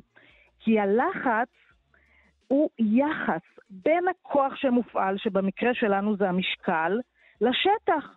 אם הכוח או המשקל בסוגריים יתחלק בין הרבה מאוד נקודות, אז בכל נקודה יהיה פחות לחץ, ואז לא יתרחש לא הפיצוץ וגם לא הדקירה. זאת אומרת שהלחץ גדל ככל שהשטח עליו הוא פועל קטן יותר, אוקיי? אז אה, סגרנו את הניסוי הזה, ויש לי עוד ניסוי ממש ממש חמוד שקשור ללחץ.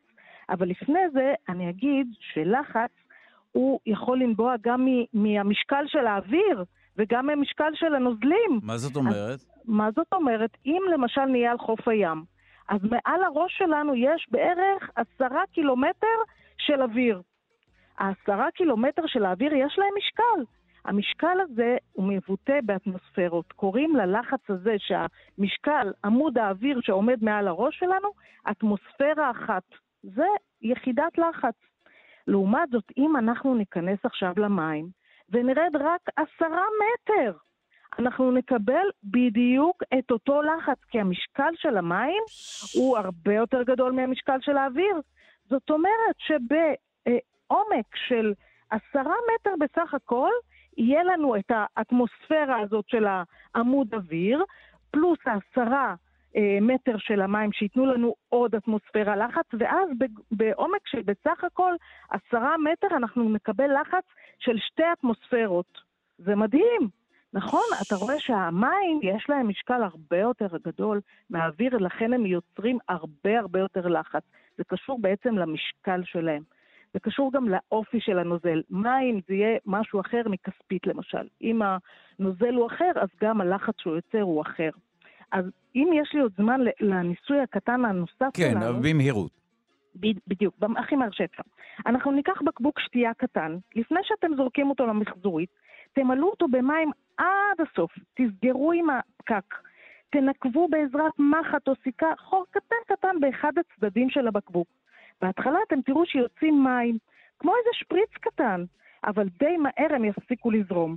אם נלחץ מעט על הבקבוק, הם שוב ישפריצו, ואם נפתח את הפקק, הם יזרמו שנית. הפקק מהווה לנו בעצם ברז, כי הוא מונע אה. מהאוויר ללחוץ על העמוד של המים. די.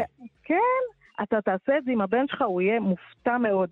לאוויר עצמו יש לחץ, הוא לוחץ על הנקב, מונע מהמים לצאת, אבל כשאנחנו פותחים את הבקבוק, הלחץ מופעל גם מלמעלה וגם בנקב, הם מקזזים זה את זה, ועמוד המים מעל הנקב, אמרנו שהמים גם לוחצים. הוא יוצר את הלחץ שמוביל לזרימה. וואו, אנחנו נעצור כאן, תודה רבה לך. הביוטכנולוגית ממכון דוידסון, ענבל שמחה בוקר, תודה.